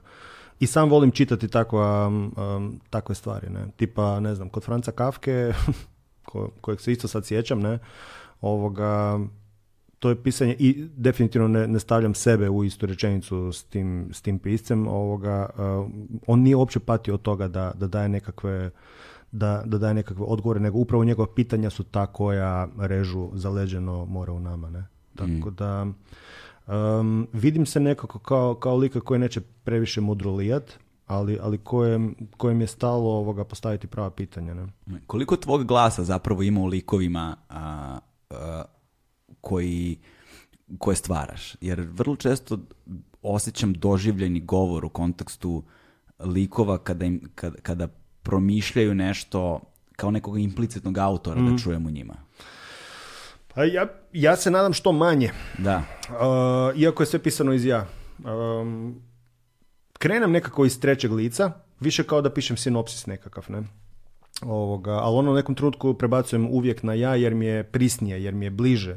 Ciganin je bio vrlo, vrlo suh tekst i, i, i zapravo mi uopće nije bio dobar u, u, prvoj verziji i nisam znao kako tome doskoči. Znaš, ono, bile su te četiri narativne linije i svaka je bila pisana u, u trećem licu. Nekako mi je to bilo ok, dobro, tak, tak, sam mogao možda napisati scenarij za film eventualno ovoga, nego onda sam prebacio u prvo lice i to sam napravio tako da sam mjesec dana radio Milenu, mjesec dana sam radio Sandija, mjesec dana sam radio e, Kurda Nuzata i mjesec dana sam radio policajca i onda vrtio to četiri mhm. godine. Ne?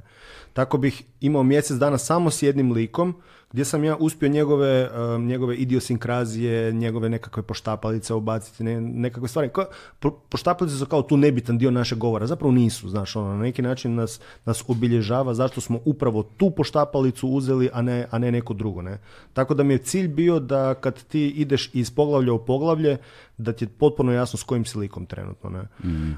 sad koliko sam uspio, e, to, to je drugo pitanje, ali to mi nekako bila namjera, znaš, da, da se u nekom trenutku ja kao autor potpuno povučem iz svega i da jednostavno to, to počne teći. I to je onaj super dio kreativnog procesa. Meni ono četiri godine, tri godine su čista muka, i sad to nije onaj klišej, znaš, ono oj, mi umjetnici patimo za za svoju umjetnost i tako dalje, nek, nek stvarno ono, tri godine se ja borim s time, jel, hoće li ovo išta valjati ili će to biti najveće smeće koje je ikad napisano, ali onda ti likovi doista progovore i ti ih doista čuješ i onda ruka ide sama od sebe. To, to je prekrasan dio procesa. Ruka ide samo kao, jel pišeš ruku?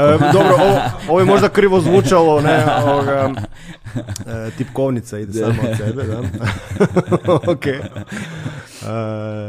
ne, zjedan se po ove... Ovaj- jebi ga, sad si mi ubio, znaš, htio sam točno poentirat ono da bude i sad jebi ga. e, jebi, e, jebi ga, ne sumnjam da ćemo se vratiti na to.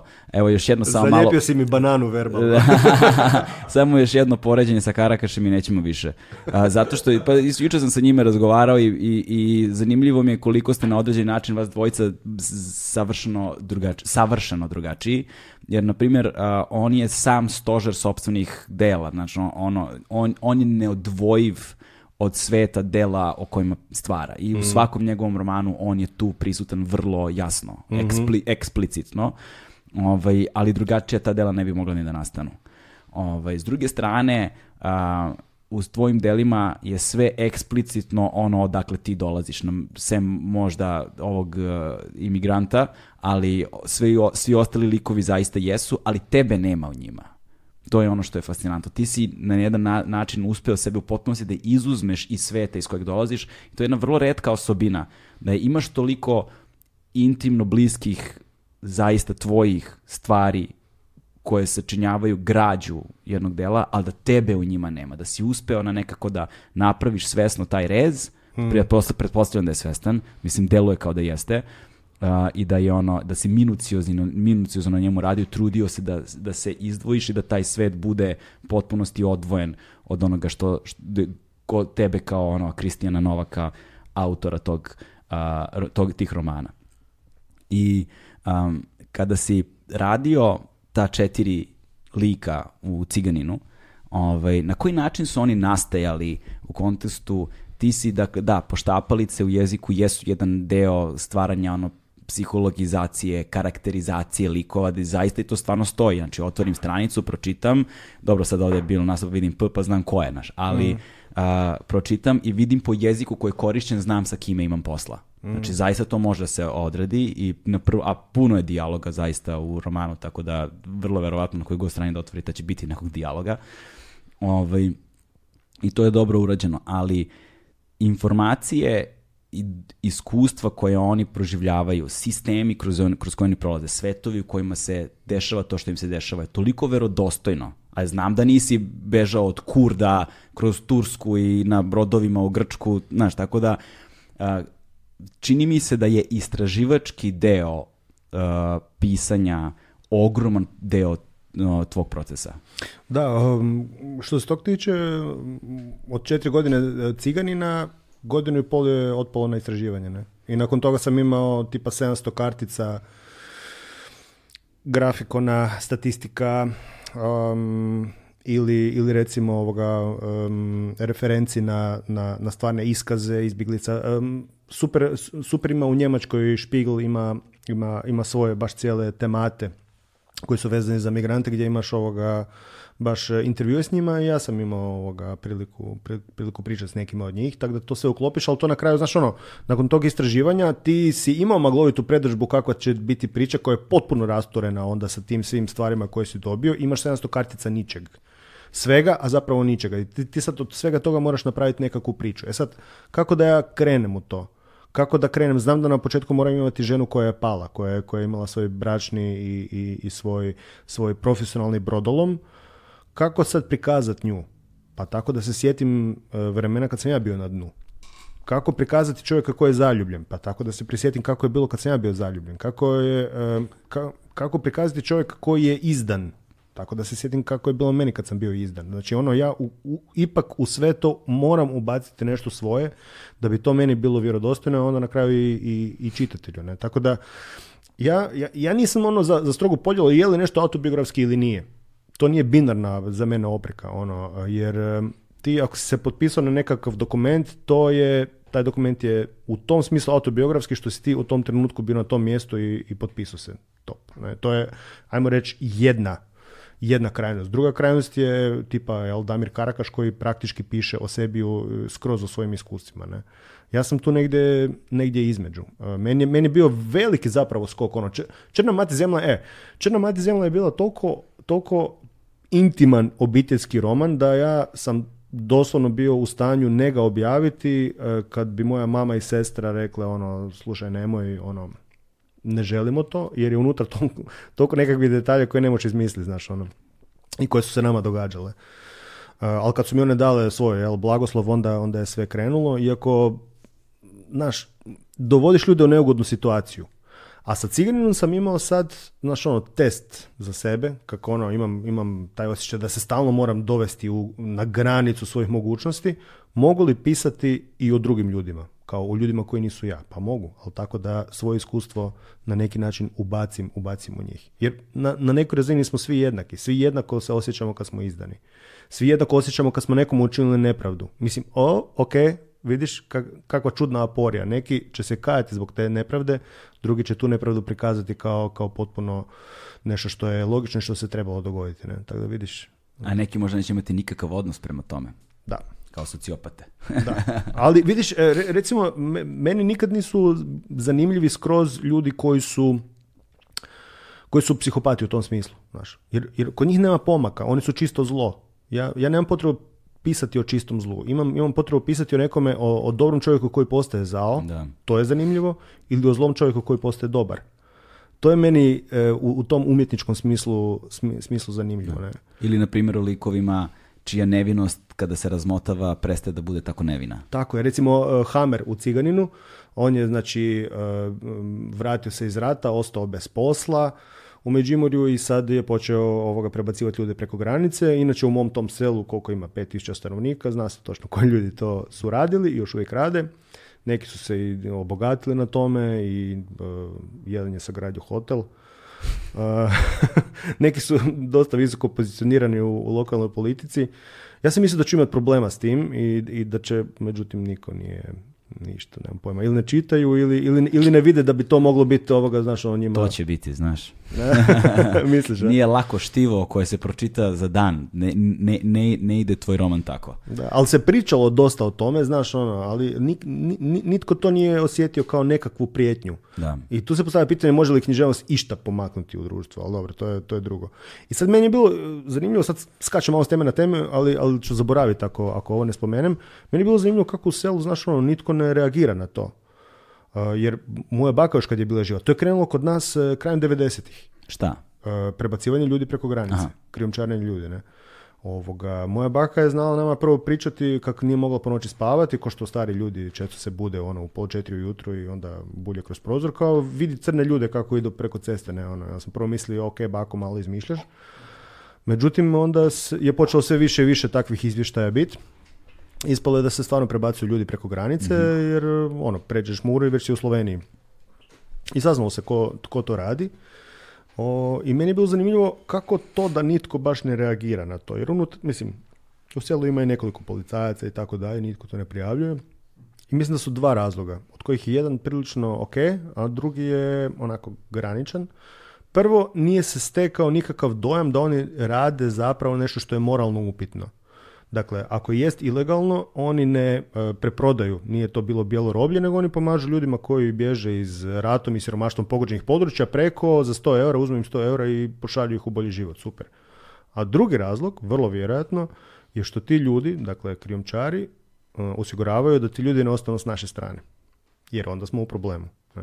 Ili pod navodnicima problemu. Tako da ono, taj kompleks mi bio silno zanimljiv, kako to jedna mala zajednica u kojoj se sve zna zapravo, samo se ne, samo se ne priča o tome, ono, to jednostavno nije, nikad nije bila tema. Tu i tam se bilo spominjalo, ne, ali ovoga... Ali mene se zanima više taj istraživački deo, znaš, e, ali ono doslovno, bukvalno, plastično, banalno ti ustaneš ujutru i kao ja sad moram da saznam informacije o ljudima koji beže iz svojih domova na Bliskom istoku. Znaš, kao i da saznam toliko pojedinosti, toliko detalja da ti kada zapravo zoomiraš taj život na ono da, da dođeš do pojedinca, da osjetiš njegovu ono teksturu, da ostiš njegovu svakodnevicu, da osjetiš njegov dan, njegovo poslepodne, njegovo jutro, njegovo ono gužvanje sa nepoznatim, njegove probleme s mobilnim telefonom, znaš, mm. njegovo, njegovo komuniciranje sa porodicom doma, znaš, kada Isis ulazi u grad, znaš, i, i tako, znaš, da, da, da, doživiš emocionalni trenutak saznavanja takvog podatka, znaš, i, ono, kako izgleda ustaneš ujutru i baviš se tim istraživanjem. Znaš, to je ono što me zaista zanima i mislim da to nije dovoljno akcentovano kada govorimo o savremenim piscima. znaš, ta, vrsta minucioznosti, ta vrsta temeljnosti, istrajnosti, juneće upornosti, da sad dođeš do nečega i kako od sebe teraš kroz to nepreglednu planinu, mm. nepreglednu planinu ono suvoparnih podataka od kojih treba se stvori neka živa priča. Da, dobro, to djelomično sam to naučio kako sam pisao doktorat, onda isto se probiješ kroz nepregledno mnoštvo podataka, onda moraš iz svega toga nekako logiku izvući. Ne? Koji si doktorat pisao? Uh, pisao sam doktorat o 19. stoljeću u Hrvatskoj, sociolingvistička situacija, bili su znači ono njemački, pa hrvatski, pa mađarski. dakle, suvoparno. Totalno. Mogu vam pokloniti knjigu, ali znam da ju nećete pročitati, pa onda ovoga... Šalim se, nastavi. Da, Dakle, taj istraživački rad. Um, prvo radim selekciju. dokumentarce koji su snimljeni o tome, knjige koje su dokumentarne pisane o tome, novinarske članke, dobre novinarske članke, kažem, Njemačka mi je tu stvarno, ovoga, oni, oni pišu vrlo, vrlo i, i objektivno i, imaju taj princip, znaš, ono, da, da, kre, da kreću od pojedinca. To je lepota kad govoriš njemački jezik. Da. zapravo da. To je jedna od, od ljepota. Um, međutim, onda, onda se dogodi, znaš, ono da, da tri tjedna radiš to i čitaš knjige i gledaš dokumentarce, ali nisi baš našao ni jednu eh, informaciju koja je bitna za, za tvoj narativ. Tako da je tu puno potrošenog vremena, ali jebi ga, ono, mislim. koje, koje, koje, koje su ti za stvari najviše značile kada si, recimo, gledao dokumentarce? Koji dokumentarci, koji tekstovi? konkretni primjeri me zaista zanimaju. Bio je jedan dokumentarac, e, sad ne znam, e, mislim da je BBC ovoga bio. zanimljiva stvar se dogodila. Um, I to, to je sad stvarno potpuno slučajno. Dakle, ja kad sam već bio u usred pisanja, pisanja Ciganina, bila je 2015. godine, tamo je krenuo, krenuli su veliki valovi Makedonija pa Srbija pa onda Mađarska i Hrvatska sa, sa izbjeglicama. sad ovi frendovi koji su ovoga Uh, znaš, je što piše, se rekao, e sad to moraš izbaciti, ono, mislit će da, da, Si, da si prorok ovo, ono. Eh, međutim, ono, nije, nije taj, taj tekst je bio grozan, dobro da ga nisam tad, eh, tad objavio. Međutim, oni su napravili dokumentarac u kojem se uspoređuje stanje u Mosulu i stanje u Kaleju u Francuskoj. A sad zamisli ovo. Bjegunac koji kreće, znači ta narativna linija, on kreće iz Mosula, on je Kurd koji živi u Mosulu, a krajnja točka mu je Kalej. Zašto su bili bitni? U Mosulu je taman krenula akcija, eh, akcija izbacivanja ISISA iz, eh, iz Mosula. Um, a, a, u Kaleju je krenula akcija, francuska policija je prilično brutalno razvalila geta koje su se tamo pojavila upravo od tih, od tih migranata. I to je sasvim slučajno, ono, nisam mogao vjerovati koja, koja slučajno se dogodila. Ja sam Kalej izabrao gdje vidim da ih ima, znaš ono, kak sam proučavao, znam da, da, da se ono, idu ili u, u, u Englesku, Švedsku, ma Kalej je dobar, tap Kalej. Odakle je krenuo, Mosul ima zanimljivu situaciju, ima Arapa, ima Kršćana, ima ima Kurda dosta, zanimljiva je bila situacija prije Sadama za vrijeme američke invazije, kreće iz Mosula, super. I onda se to pogodilo tako. Ne? I BBC je bio napravio um, recimo dokumentarac koji, koji opisuje to i to, to su bili dokumentarci koji su bili vezani za, za, za osobe.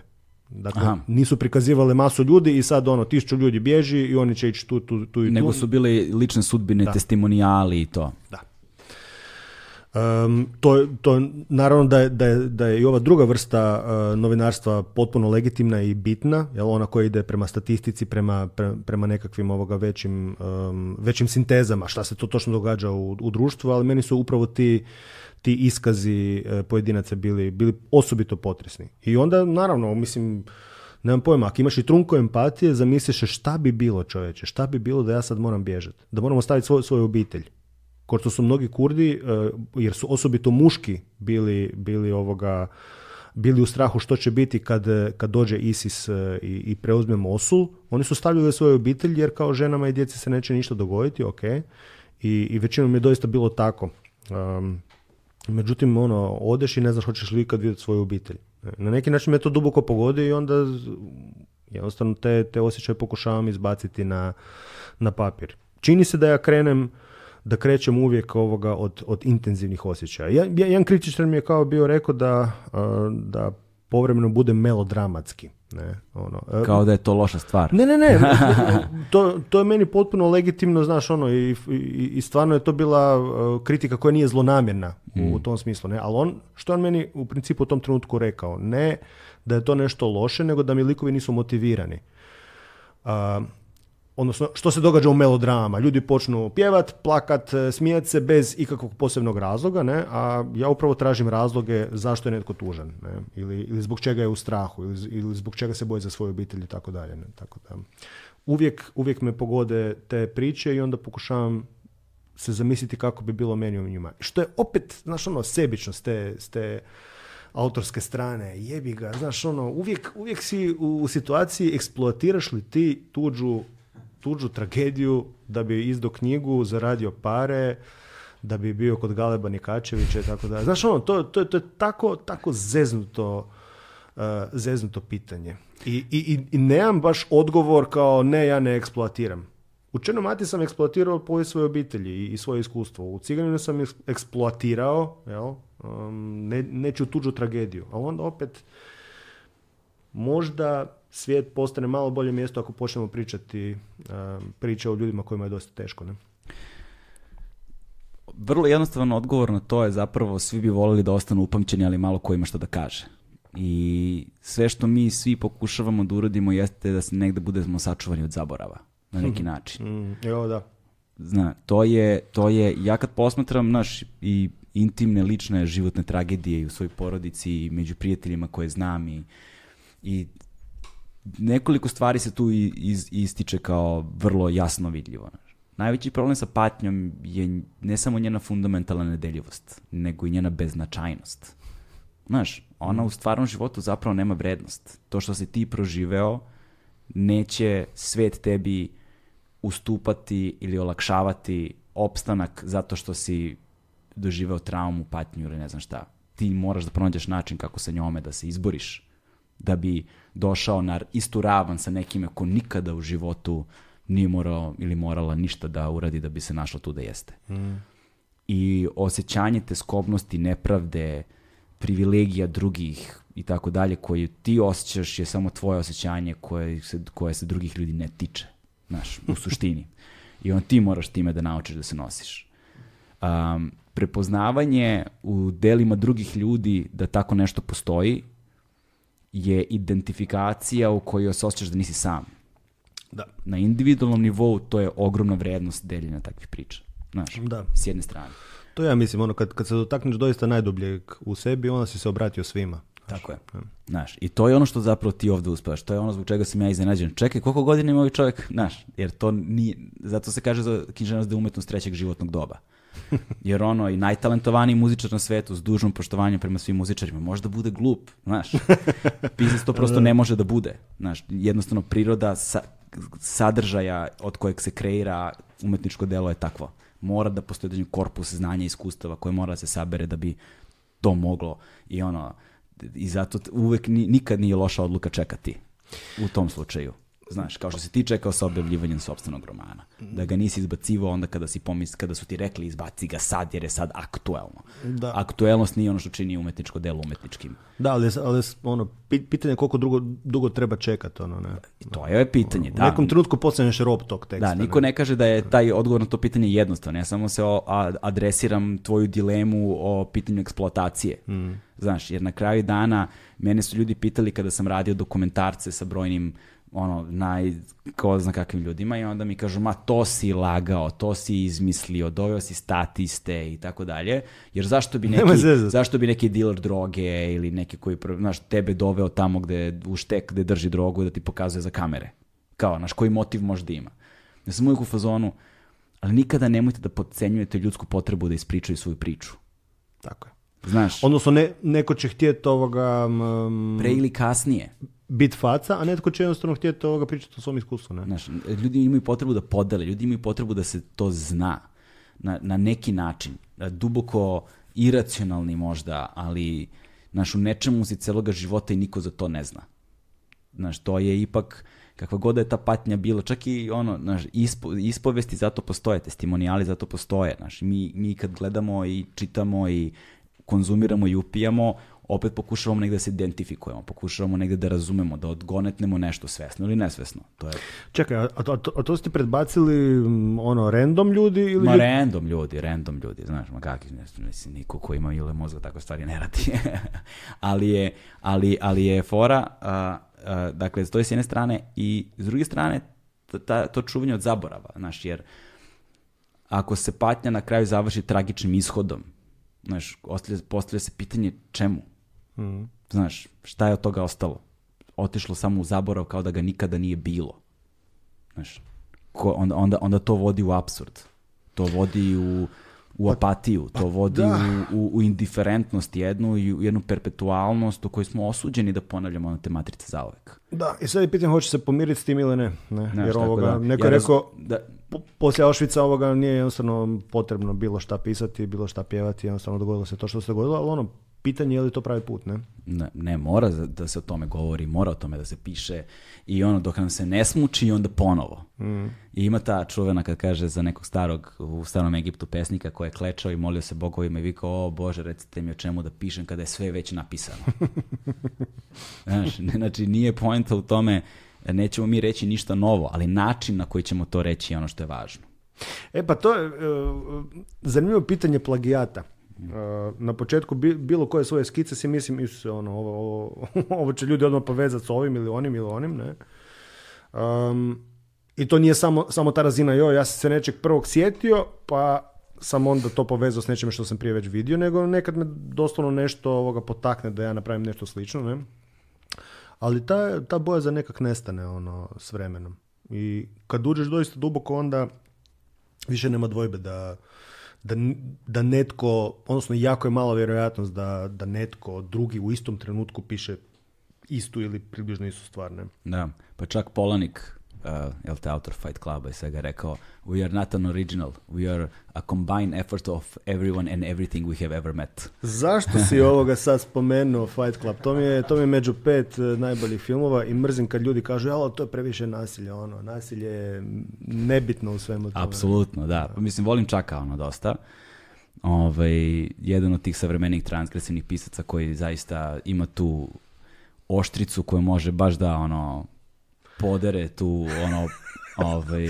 Jo, ej, pročitao sam jednu njegovu priču, e, odnosno nisam ju pročitao do kraja i to je jedan od rijetkih tekstova koji nisam pročitao do kraja. Ono, ili, ili kad krenem nakon 15, 15 stranica kao vidim da to nije za mene, pa onda stavim sa strane, ali ovo mi je bilo... do, to je mentalna higijena, to je druga stvar. Da, ovo mi je bilo zanimljivo i nisam mogao pročitati do kraja, e, kao scena je kao frajer, e, ne znam, ah, jebi ga reču, ono, drka, ne?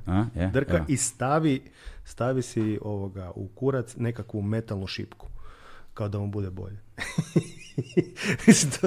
to, je to ta oštica o kojoj pričaš. Ono. Jednostavno, kako književni tekst može to napraviti, znaš, ono, da, da, da te potpuno smlavi i da više ne možeš dalje. Ne? Ali ono što je lepota u njegovim tekstima jeste da ima tu vrstu umetničke verodostojnosti, a da ne bude samo lastivna vulgarnost.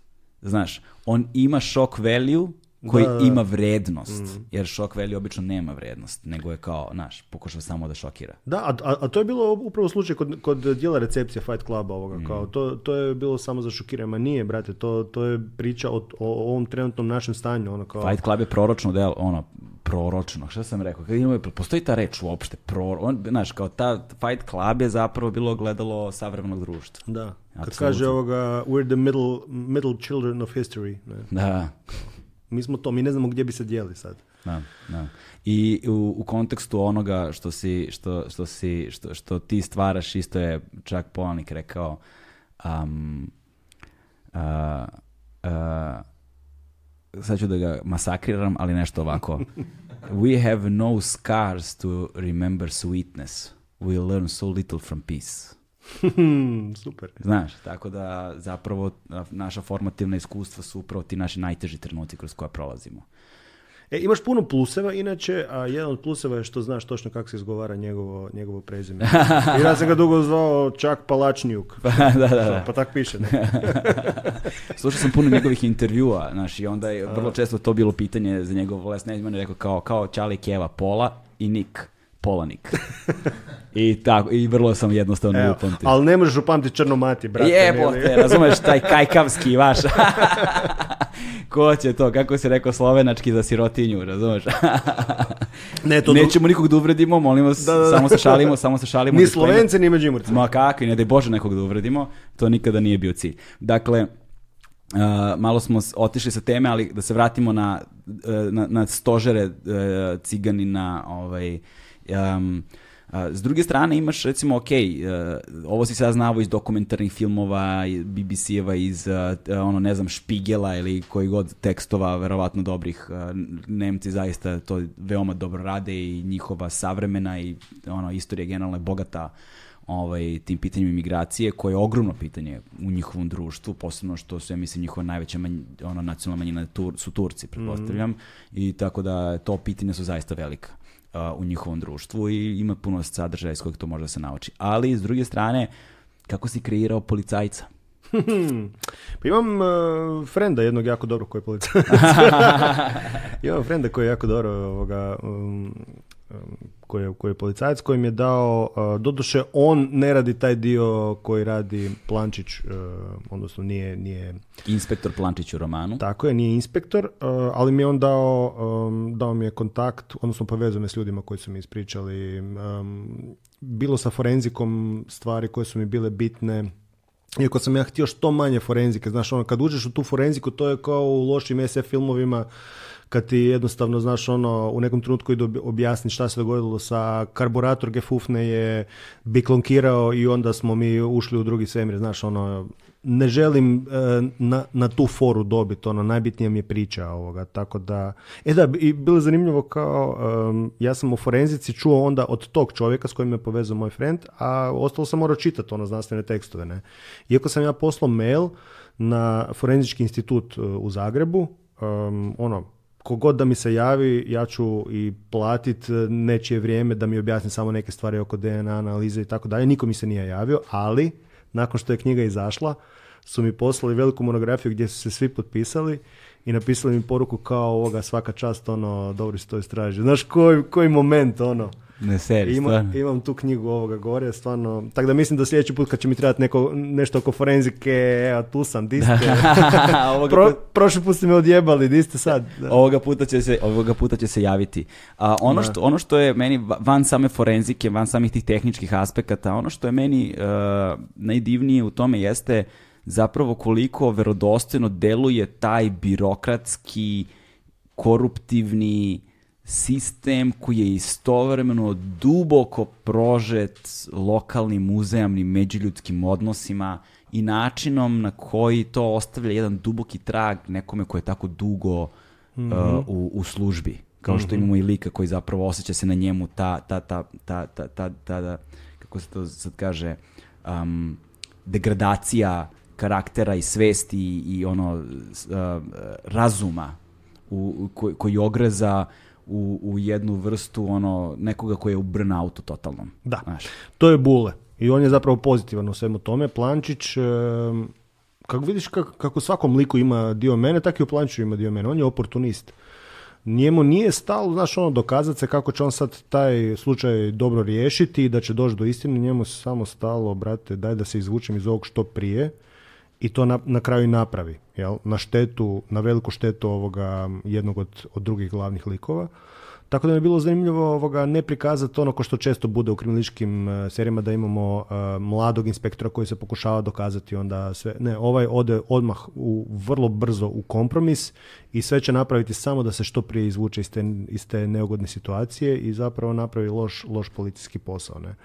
Tako da mi je to bila, on je, on je najgori lik po meni, ako, ako, ih idemo gradirati prema tome ko je, mhm. ko je dobro, ko je loš, Eh, njega mi se najviše gadilo pisati, ali sam ga i najlakše napisao, što možda dosta govori i o meni. I, I, o vlastitom oportunizmu. Ne? A, s druge strane, a, eh, eh, ajde samo još, jedno, još jednog lika da prođemo tu. Sandy mi je posebna kategorija i to bih volao da se od, da odvojimo poseban komad vremena za njega. Recimo Milena, kada, je, kada si kreirao Milenu, taj ženski glas hmm. u, u romanu, ali i njeni unutrašnji sukobi, dileme, svet njene njen unutrašnji svet patnje, osude društva, ono pogleda koje osjeća kao dodire na sebi. Ovaj, je jedan vrlo specifičan i deluje kao autentično ženski glas. Deluje kao nešto što zapravo mi ne bi trebalo da možemo da napišemo. pa dobro, ne znam, mislim, ono, možda sam imao takvih iskustava. Pa. da, ne, to je taj ženski deo tebe. Ono. Ne, to je, definitivno ja mislim imam ženski dio sebe, a osim toga ja sam ovoga, um, znaš, ono, bio dijete i mladić kojeg su odgojile, odgojile tri žene, ono, baka, mama i sestra, ne. Tako da to je sigurno jedan bitan dio, a drugi bitan dio kako sam uspio ovoga, kažem uspio zato što mi je nekoliko meni vrlo dragih i velikih zapravo hrvatskih književnica, Maša Kolanović i Olja Savićević Ivančević su mi rekli da sam, da sam uspio. Dakle, ne stvoriti plošni ženski lik koji je ili svetica ili kurva ili nešto. Znaš, ono, ne možeš svrstati u neku kategoriju, nego je, brate, ono čovjek. Ne? Mm. A, kad je čovjek i kad ima svoju nekakvu kontradikciju, onda stvarno nije bitno je li muško, žensko, trans ili je vrabac ili je kaktus. Ono, mm. jel? na toj razini. Drugi bitan dio mi je bilo upravo čitanje, čitanje suvremene ženske e, i hrvatske i srpske proze. Primere nam daj. Lana Bastašić, dobro, Lana, e, vidiš kako lažem, Lana Bastašić se, se, se poslije pojavila. Olja Savićević Ivančević, Maša Kolanović u prvom redu, Dubravka Ugrešić još, još prije. E, bilo je super, sad nedavno sam dobio e, novinarsko pitanje kao zašto se u hrvatskoj književnosti toliko kao ne piše o seksu, zašto je seks tabu?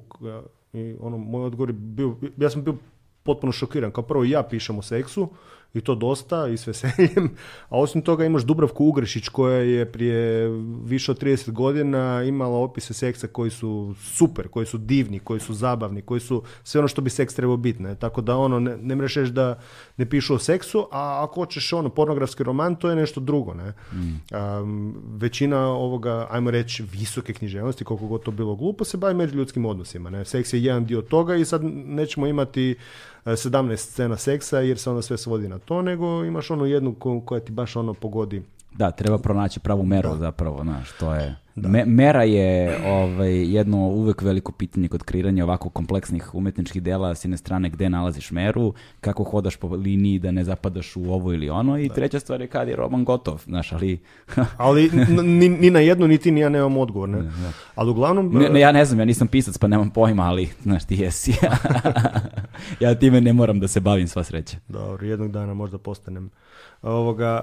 uglavnom čitanje, je čitanje ženskih, e, ženskih autora. Da. čitanje ženskih autora i poezije, ženske poezije, koja je ovoga... sad vam se pojavila jedna, jedna pjesnikinja nedavno, evo ja sam ju, um, na, na fejsu sam prvo pročitao... Radmila Petrović? ne, nego um, sam malo. Čak, se se dopisujem s njom, pa sam Jelena Marinkov. A, okay. Jelena Marinkov, ovoga, sad je dobila čak i neku nagradu i to ono prilično prilično brzo nakon što je izašla zbirka. Kod mog izdavača, književne radionice Rašić, malo reklame. Ovoga, Kir. E, ne, da, ovde, ne, šta piše, šta ovde piše, K i R ili, ja vidim. Književna radionica Rašić. A ne ovde, šta ne, je znam šta je I, ali ovi ljudi iza e, rade knjigu. ok na, logu. Um, uglavnom, to je bomba. Nisam ni vidio ime i prezime, samo ima, ima kao na fejsu hrvatski jedan, um, jel to, šta je to, bloger ili nešto, e, koji sam sebe zove čovjek časopis, zove se Željko Belinić i, ovoga, i on objavljuje iz, iz, iz, cijele regije zapravo šta se novoga pojavljuje i to ono, pročitaš jednu pjesmu, bam, od, jednom nešto potpuno novo, potpuno nova perspektiva jedna i ja sam se odmah ono, oduševio tom poezijom. Tako da, ono... E, to je moć poezije, da. On ima tu pesticu ono, možete rokne u sekundi. Da.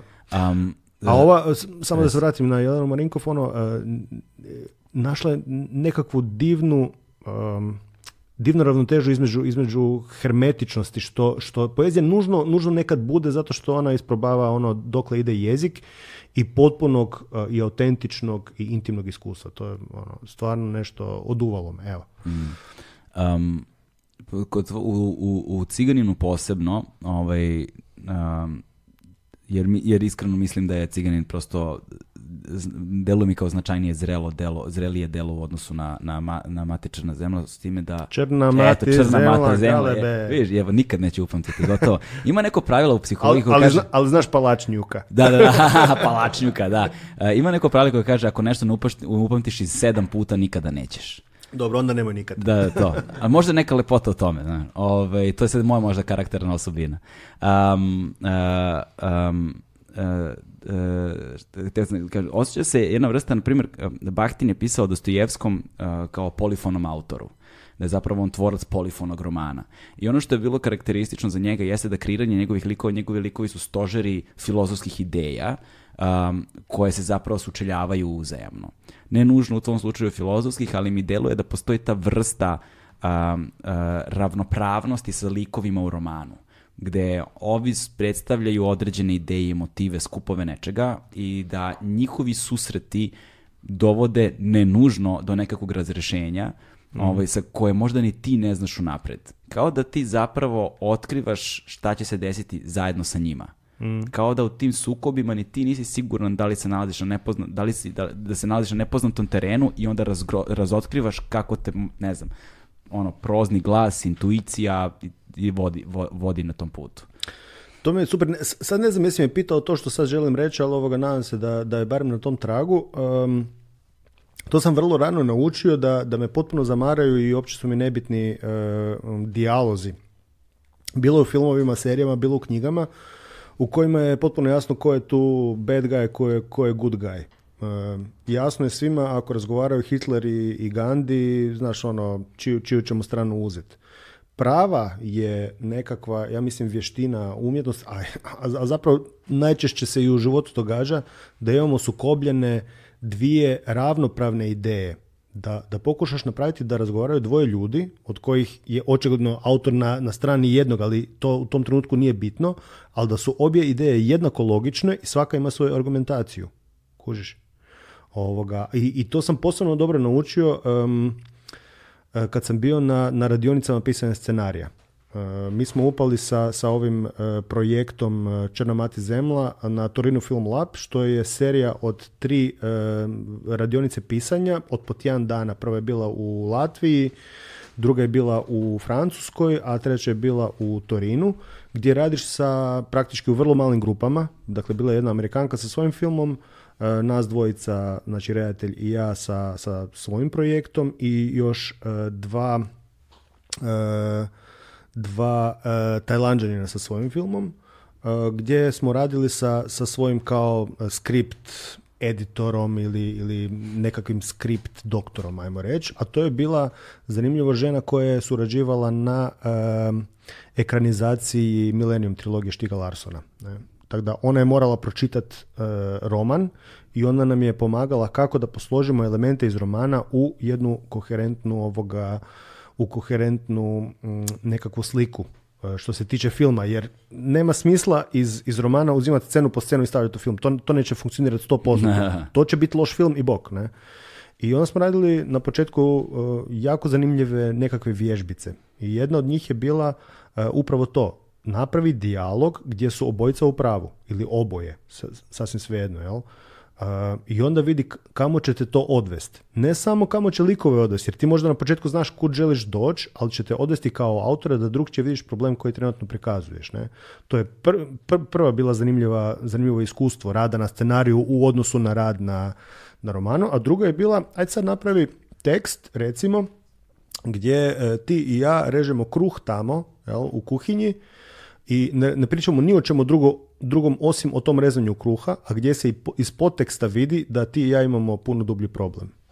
To je mene potpuno oduvalo. E, e, jer, na neki način ja u prozu, u, u dijalog stavim ono što mi je najmoćnije. Jer mi se čini, jedno je kad napišeš on je bio razočaran, a drugo je kad od toga napraviš iskaz i kad osoba to kaže, pa makar i indirektno. Ne? A, a u filmu je potpuno suprotno.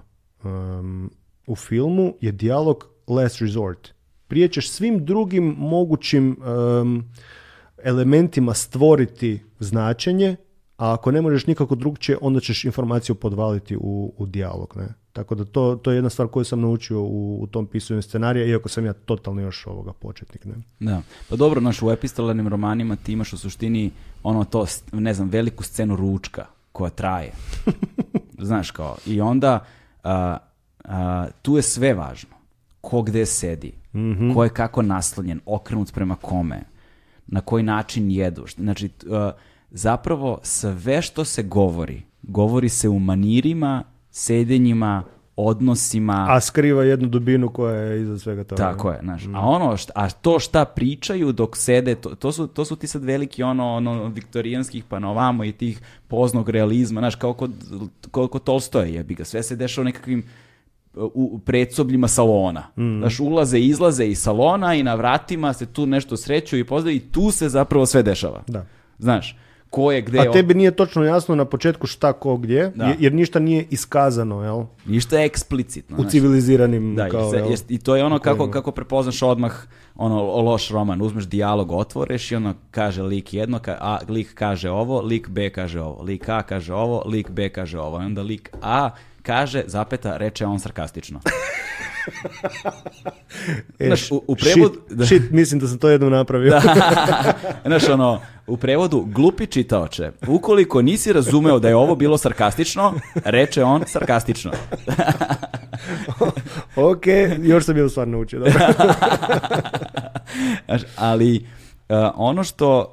E, E, provejava zapravo sve vreme u ovom, u ovom pored te verodostojnosti, autentičnosti tih likova koja zaista ostavlja snažan utisak, e, uspeva konspirativno da to vuče u sve dela.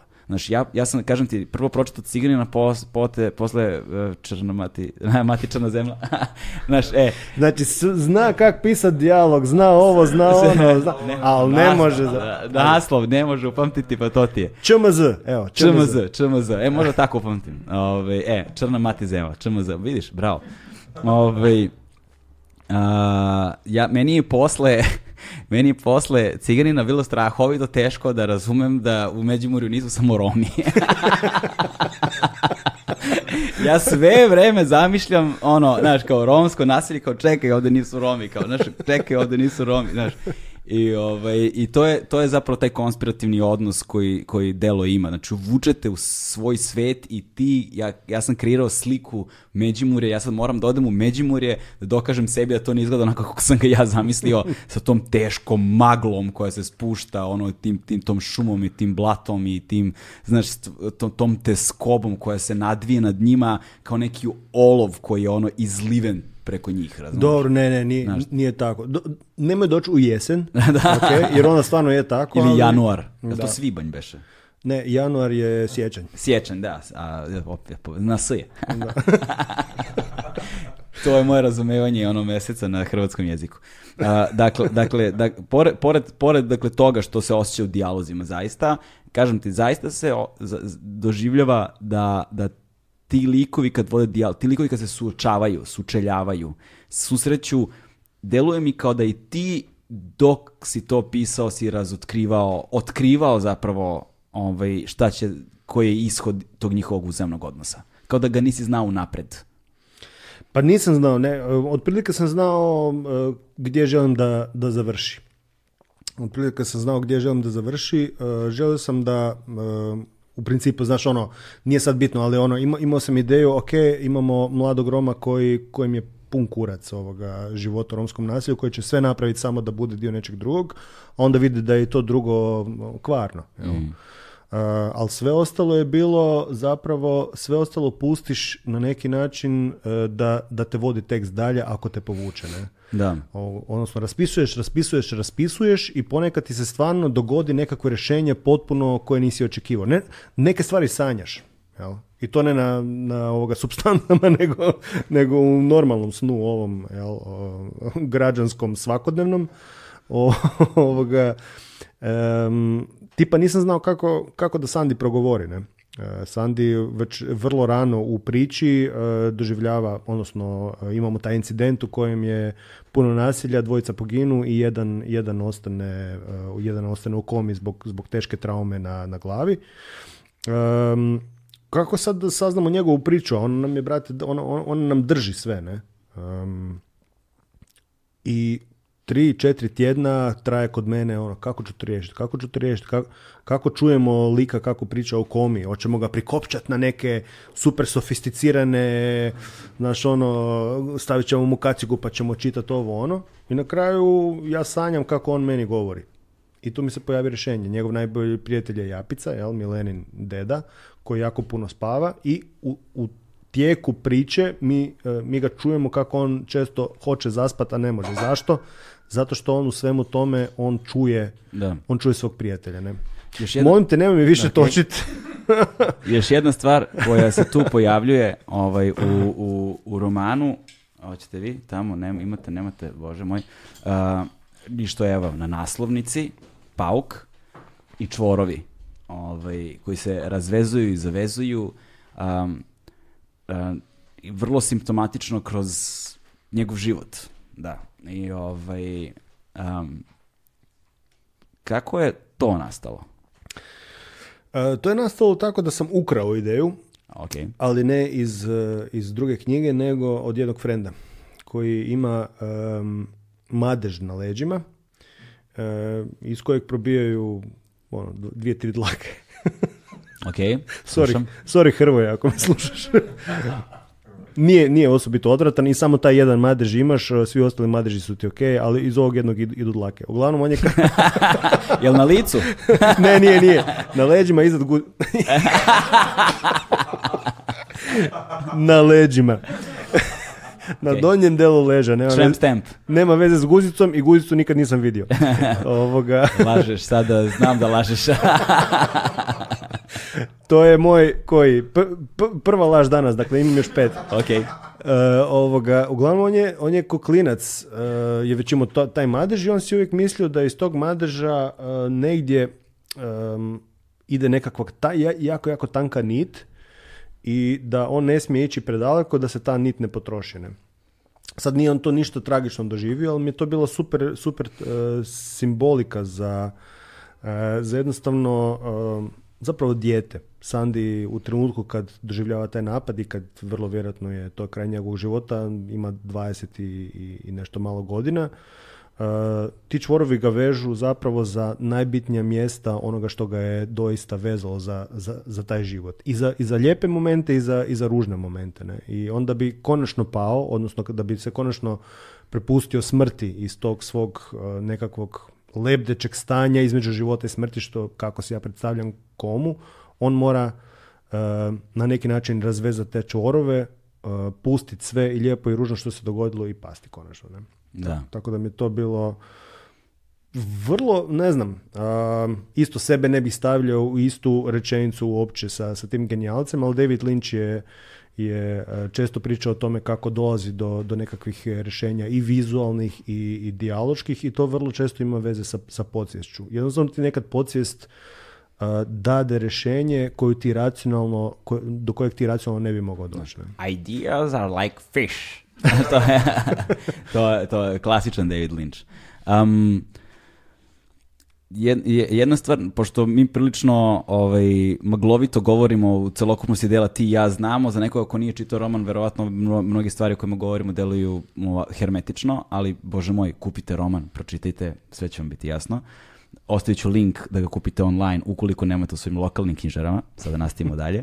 Um, uh, postoje i likovi koji su stožeri e, znači mi govorimo sve vremena o nekoj teskobi, ali postoji tona eksplicitnog nasilja i načina na koje se ono izvodi. Imamo Mirzu, imamo naš, ono, likove koji, su, koji nose demona u sebi. To u jednom trenutku se eksplicitno i kaže, dakle, u romanu i koji su na neki način, ali opet imaju nešto ono faustovsko u kontekstu Mefistofelesa, jer ja sam onaj koji uvek želi zlo, a čini dobro. dobro. Da, mhm. e, da i, ima toga u njima i gde, gde su oni zapravo kao nekakva ogledala u odnosu na koje ti vidiš da u naš, da ovim našim likovima postoji nešto dobro, postoji unutrašnja ono, ručna kočnica koja ne dozvoljava da se stvari dese na način na koji se negde opet neminovno dešavaju i opet ima nečeg kafkijanskog strahovito gde ono, nada i ako se pojavi uzmemo pa je zgazimo. Znaš, mračno je i ne pruža u suštini nikakvu nadu. Um, tako da još jednom pročitajte knjige, super su. Pa pa- iako ne pružaju nadu i prilično su mračne. Pa, pa to je ono, to su najbolji romani, nemoj se zajebavamo. To su apsolutno najbolji romani, pa Kafka ne bi postojao da ljudi to ne žele da čitaju. Dobro, on to nije ni objavljivo ovoga, samo slučajnost ga je dovela do nas. Između ostalog, ali ovaj, šta, onda nije slučajnost. E, dakle, gde si nalazio građu za te elemente? Jel si to uzimao primere iz stvarnog života koje si znao ili su deo fikcije? Za nasilje? Mm. Pa, mislim, čovjek e, jebi ga. Jel, to deo onih priča koje si slušao odrastajući u, u Međimurju ili koje si birao u ovo je previše, ovaj, znaš, previše stvarno da bi bilo u romanu? Pa ne, nešto čuješ, nešto doživiš, mm. ono, ne, mislim, ono, klinac koji odrastao, odrastao. bi bilo na selu, bilo u gradu, kad tad se potuče, kad tad vidi nešto ružno i to je to. Još smo mi imali ovoga, um, kak je selska škola, onda imaš samo jedan razred, ne? I onda ovi svi ovi koji padaju razrede završe u tom tom razredu, nema, nema dalje od njih, ne? Tako mm. da su s nama ne znam, u šestom razredu, već ono, dečki koji imaju brkove. I onda, jel, ako budeš previše pametan i, i našališ se na ružan način, onda dobiš flisku, ne? To, i, to je, to, I to bude početak. Tako da, ono, na, ko, što sam rekao, u osnovnoj školi djeca dožive nasilja ko, nikad prije i dosta stvari vidiš, ne? Mm. I nasilje mi na neki način isto ovoga, isto djeluje kao strah um, nasilje i strah su, su, su, mi jako povezani. Često strah bude, bude, bude temelj za, za neko novo nasilje ili za barem imaginaciju, eh, nasilja. Uh, svakom od nas se dogodilo nekad, ako je dobio batina negdje vani, da je poželio ovoga napraviti vrlo ružne stvari tome od kog je to došlo. Ne? Tako da Ehm, a posebno, a, u situacijama gdje nema, gdje nema ehm, odraslih ili gdje nema nekakve institucije koje bi, bi to na neki način regulirala. Ne? Ja sam, ja sam duboko uvjeren, to, evo sad, sad nedavno sam otkrio ehm, hrvatskog repera El, Bahatija koji je davno završio svoju karijeru. Um, koji, koji o tome često progovara na, u, u, u, u svojim, u svojim tekstovima zašto mi tako rješavamo stvari ovdje na ovim prostorima? Pa zato što nemaš e, povjerenje u institucije. Ja nemam povjerenja ako ovoga, meni napravi neko zlo ili nekakvu štetu da će institucija to riješiti, nego to moram riješiti sam. Ne? Tako da ja mislim da je to jedan od, od razloga zašto se ovdje često poseže za, za, za nasilje. Ali postoje, evo, baš kad si pomenuo institucije, i to se eksplicitno vidi u, u romanu, institucije duga ruka institucije ipak ima svoje granice. Do neke tačke stiže, preko te tačke ne može. I e, to se vidi na način na koji e, nevladine organizacije i pro forme opravdavajući svoje grantove i ono lovu dobijenu od ko zna kojih, na koji način to izgleda iz života Roma u Međimurju. Znaš, i kako, okay. kako, kako banalno uplibavanje njihovo, ono, kako, kako smešno, banalno izgleda a, način na koji se pokuša integracije njih u društvo i fundamentalno nerazumevanje problema sa kojima se oni suočavaju. Dobro, e, ja, ja sam tu malo nagazio NGO sektor, ovoga, zbog čega sam, sam dobio svoj, svoj komad reakcija. I, Jel jesi? jesam. Um, U, zanima me to. S time da sam ja više puta javno rekao da, ovoga, da, da je to jako bitan dio i da mnogi od njih e, doista ne samo da imaju plemenite namjere, nego da i, i dobro rade. Samo je problem kod ovih koji se ne informiraju dobro. Da. E, evo, evo vam konkretan slučaj. E, kada je postala neka lova da se e, na neki način digne ta statistika, kako su to rekli, računalno opremljenih kućanstava. Pa su nabavili Lenovo računala i to prilično dobra, koliko sam čuo i došli ljudi sa kombijima, došli novinari, Hrvatska televizija snima, sve super, ovoga, čistitaju si starješine, ti stanovnici romskih naselja veseli, dobili su kutije velike. Međutim, oni nisu provjerili koliko tu uopće ima eh, kućanstava koji imaju struju. I navodno od tih, ne znam koliko je bilo dvoznamenkasti nekakav broj računala i svega skupa. Možda pet ili šest računala je doista bilo neko vrijeme u uporabi sve ostalo je bilo rasprodano istu noć. Ne, zato što oni ne, žele kompjuter, nego zato što ga nema gdje uštekat, kuži. Tako da, samo si trebao nazvat nekog i pitat, dobro, jel imaju ti ljudi struju, kao, gdje ćemo? ili imaju generator nekakav, tako da, ali to je, to je samo jedan od primjera. E, tako da, E, ljudima, e, odnosno vrlo često oni, oni, oni koji kreću nekakvu humanitarnu akciju, e, vrlo često bude da ih, da ih dočekaju već, već nekako na nož. I to nije sad, sad nekakav nekakav princip da su oni nepristojni ili da ono evo ti im hoćeš pružiti ruku a oni su takvi bezobrazni. Ma nema, oni su doživjeli već 20 puta da im neko dođe, obeća sve i svašta i, i, i na kraju toga ne bude ništa. jer oni su, oni su doživjeli e, svakakve stvari. Da mhm. su došli, ljudi došli ovoga, na njima zaradili, otišli, nikad se više ne, ne pojavili i tako dalje. Ne? Tako da oko toga bude svakakvih priča.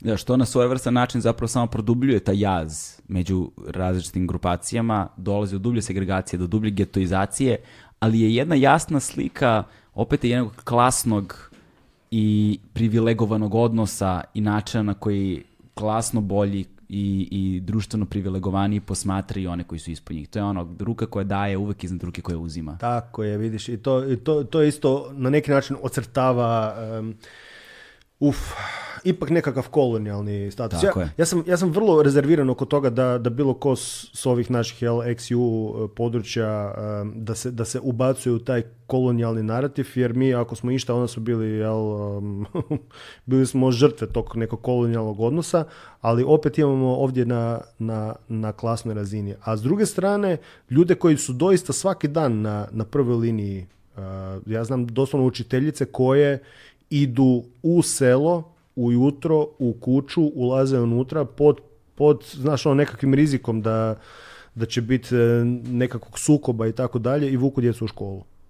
Tipa, doslovno im kaže, idi, odi tamo, imat ćeš topli obrok, ako ništa drugo. Ostani prva tri sata, poslije toga odi, kući. Znači, ono na sve moguće načine pokušavaju nešto napraviti.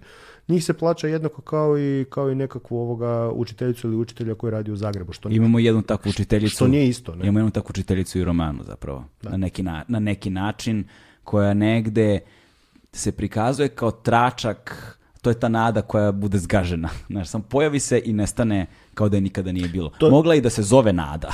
da, to, to, je inače po, istinitom, e, po istinitoj osobi, ona još uvijek živa, još uvijek radi tako kako radi um, i ona nije jedina. Tako da ja e, učiteljima i učiteljicama i socijalnim radnicima koji, koji rade ovoga tamo e, skidam kapu i njih doista treba na neki način nagraditi, a ako išta dobivaju, znaš ono, kritike, da zašto to nije bolje i tako dalje, oni rade sve, sve što mogu. Ne?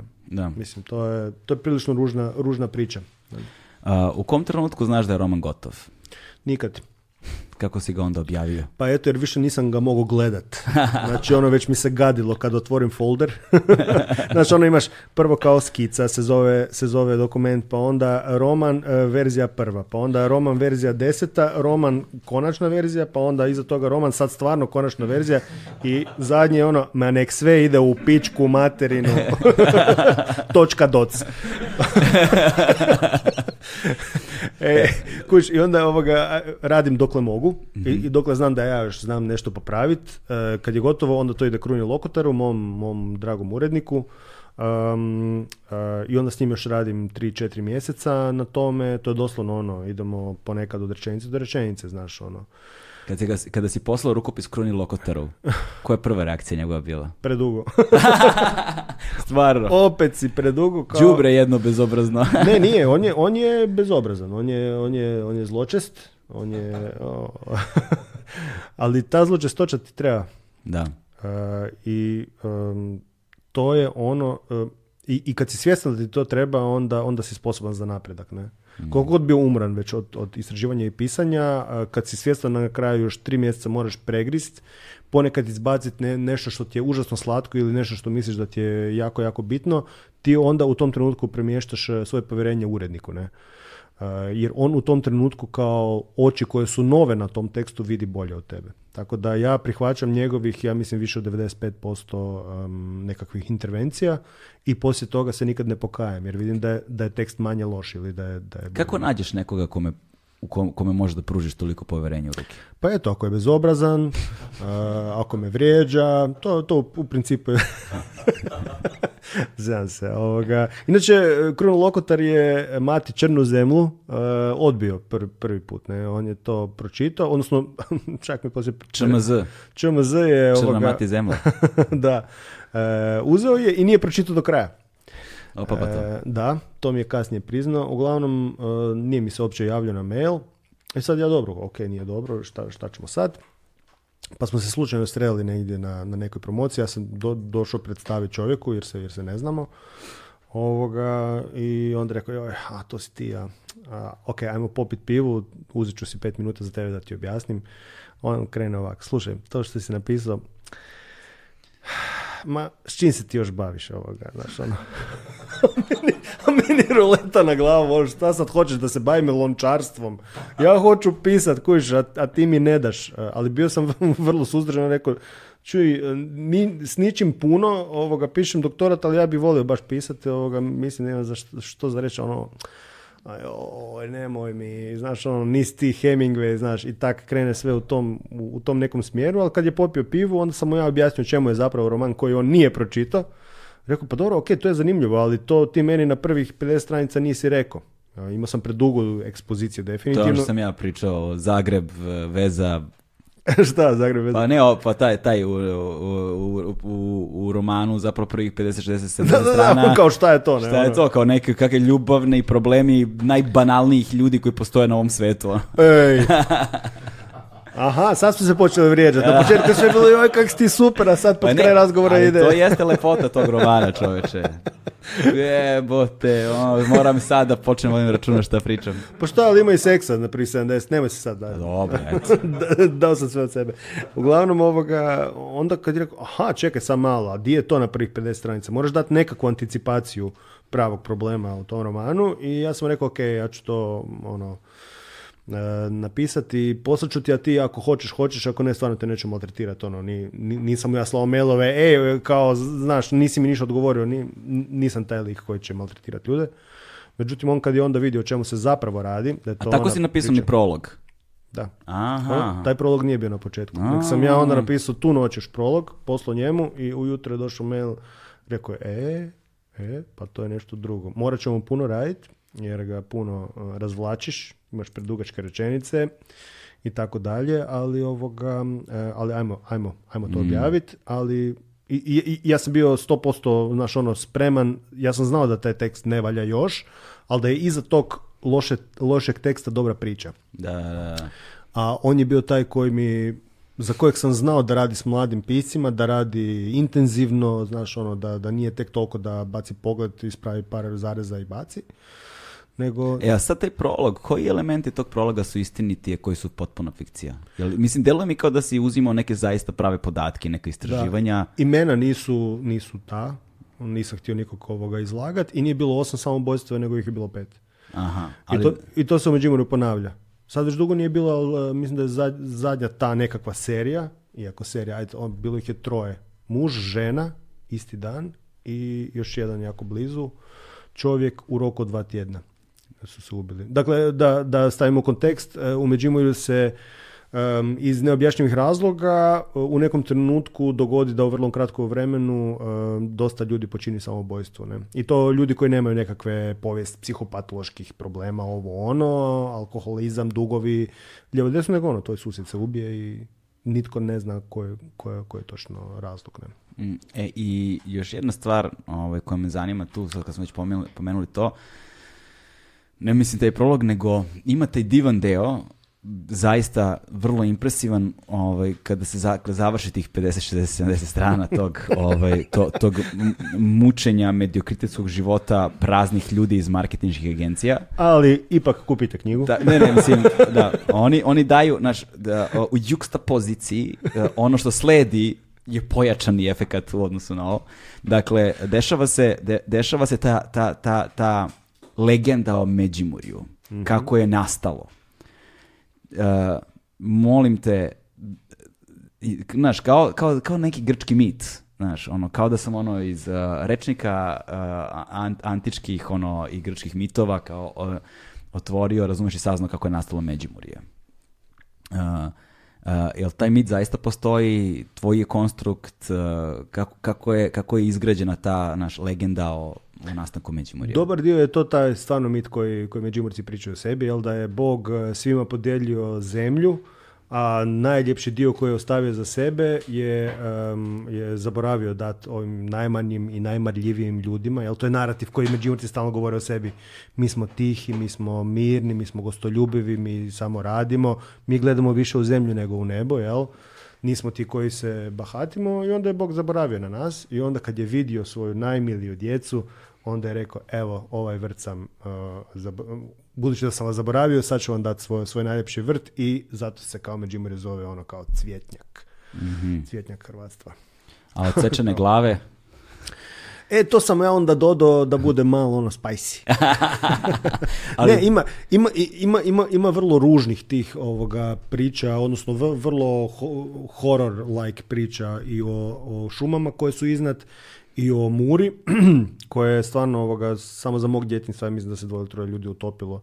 Jer mi smo se kupali tamo, dičeš ono, para, para za na more nije još bilo, nego si se kupao u Muri koja je mutna i koja ima virove i tako, eto, djeca skoče unutra sa skele i, i ne izrone više.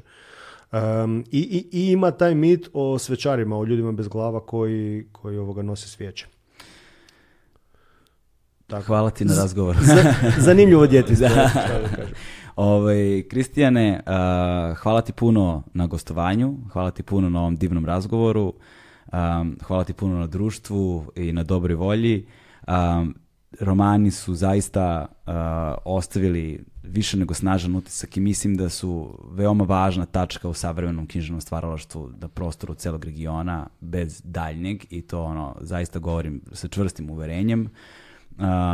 I nadam se da će taj novi roman u nekom narodnom periodu da nam izađe, jer ljudi poput tebe moraju da nastave da stvaraju. Hvala ti puno, zaista. Četiri godine. Hvala lijepa što si me pozvao i lijep pozdrav svim gledateljima. Hvala i slušaocima. Audio first. Ajde, to je to. Došli smo do kraja. Ćao. Dosta je bilo. Pijemo rakiju.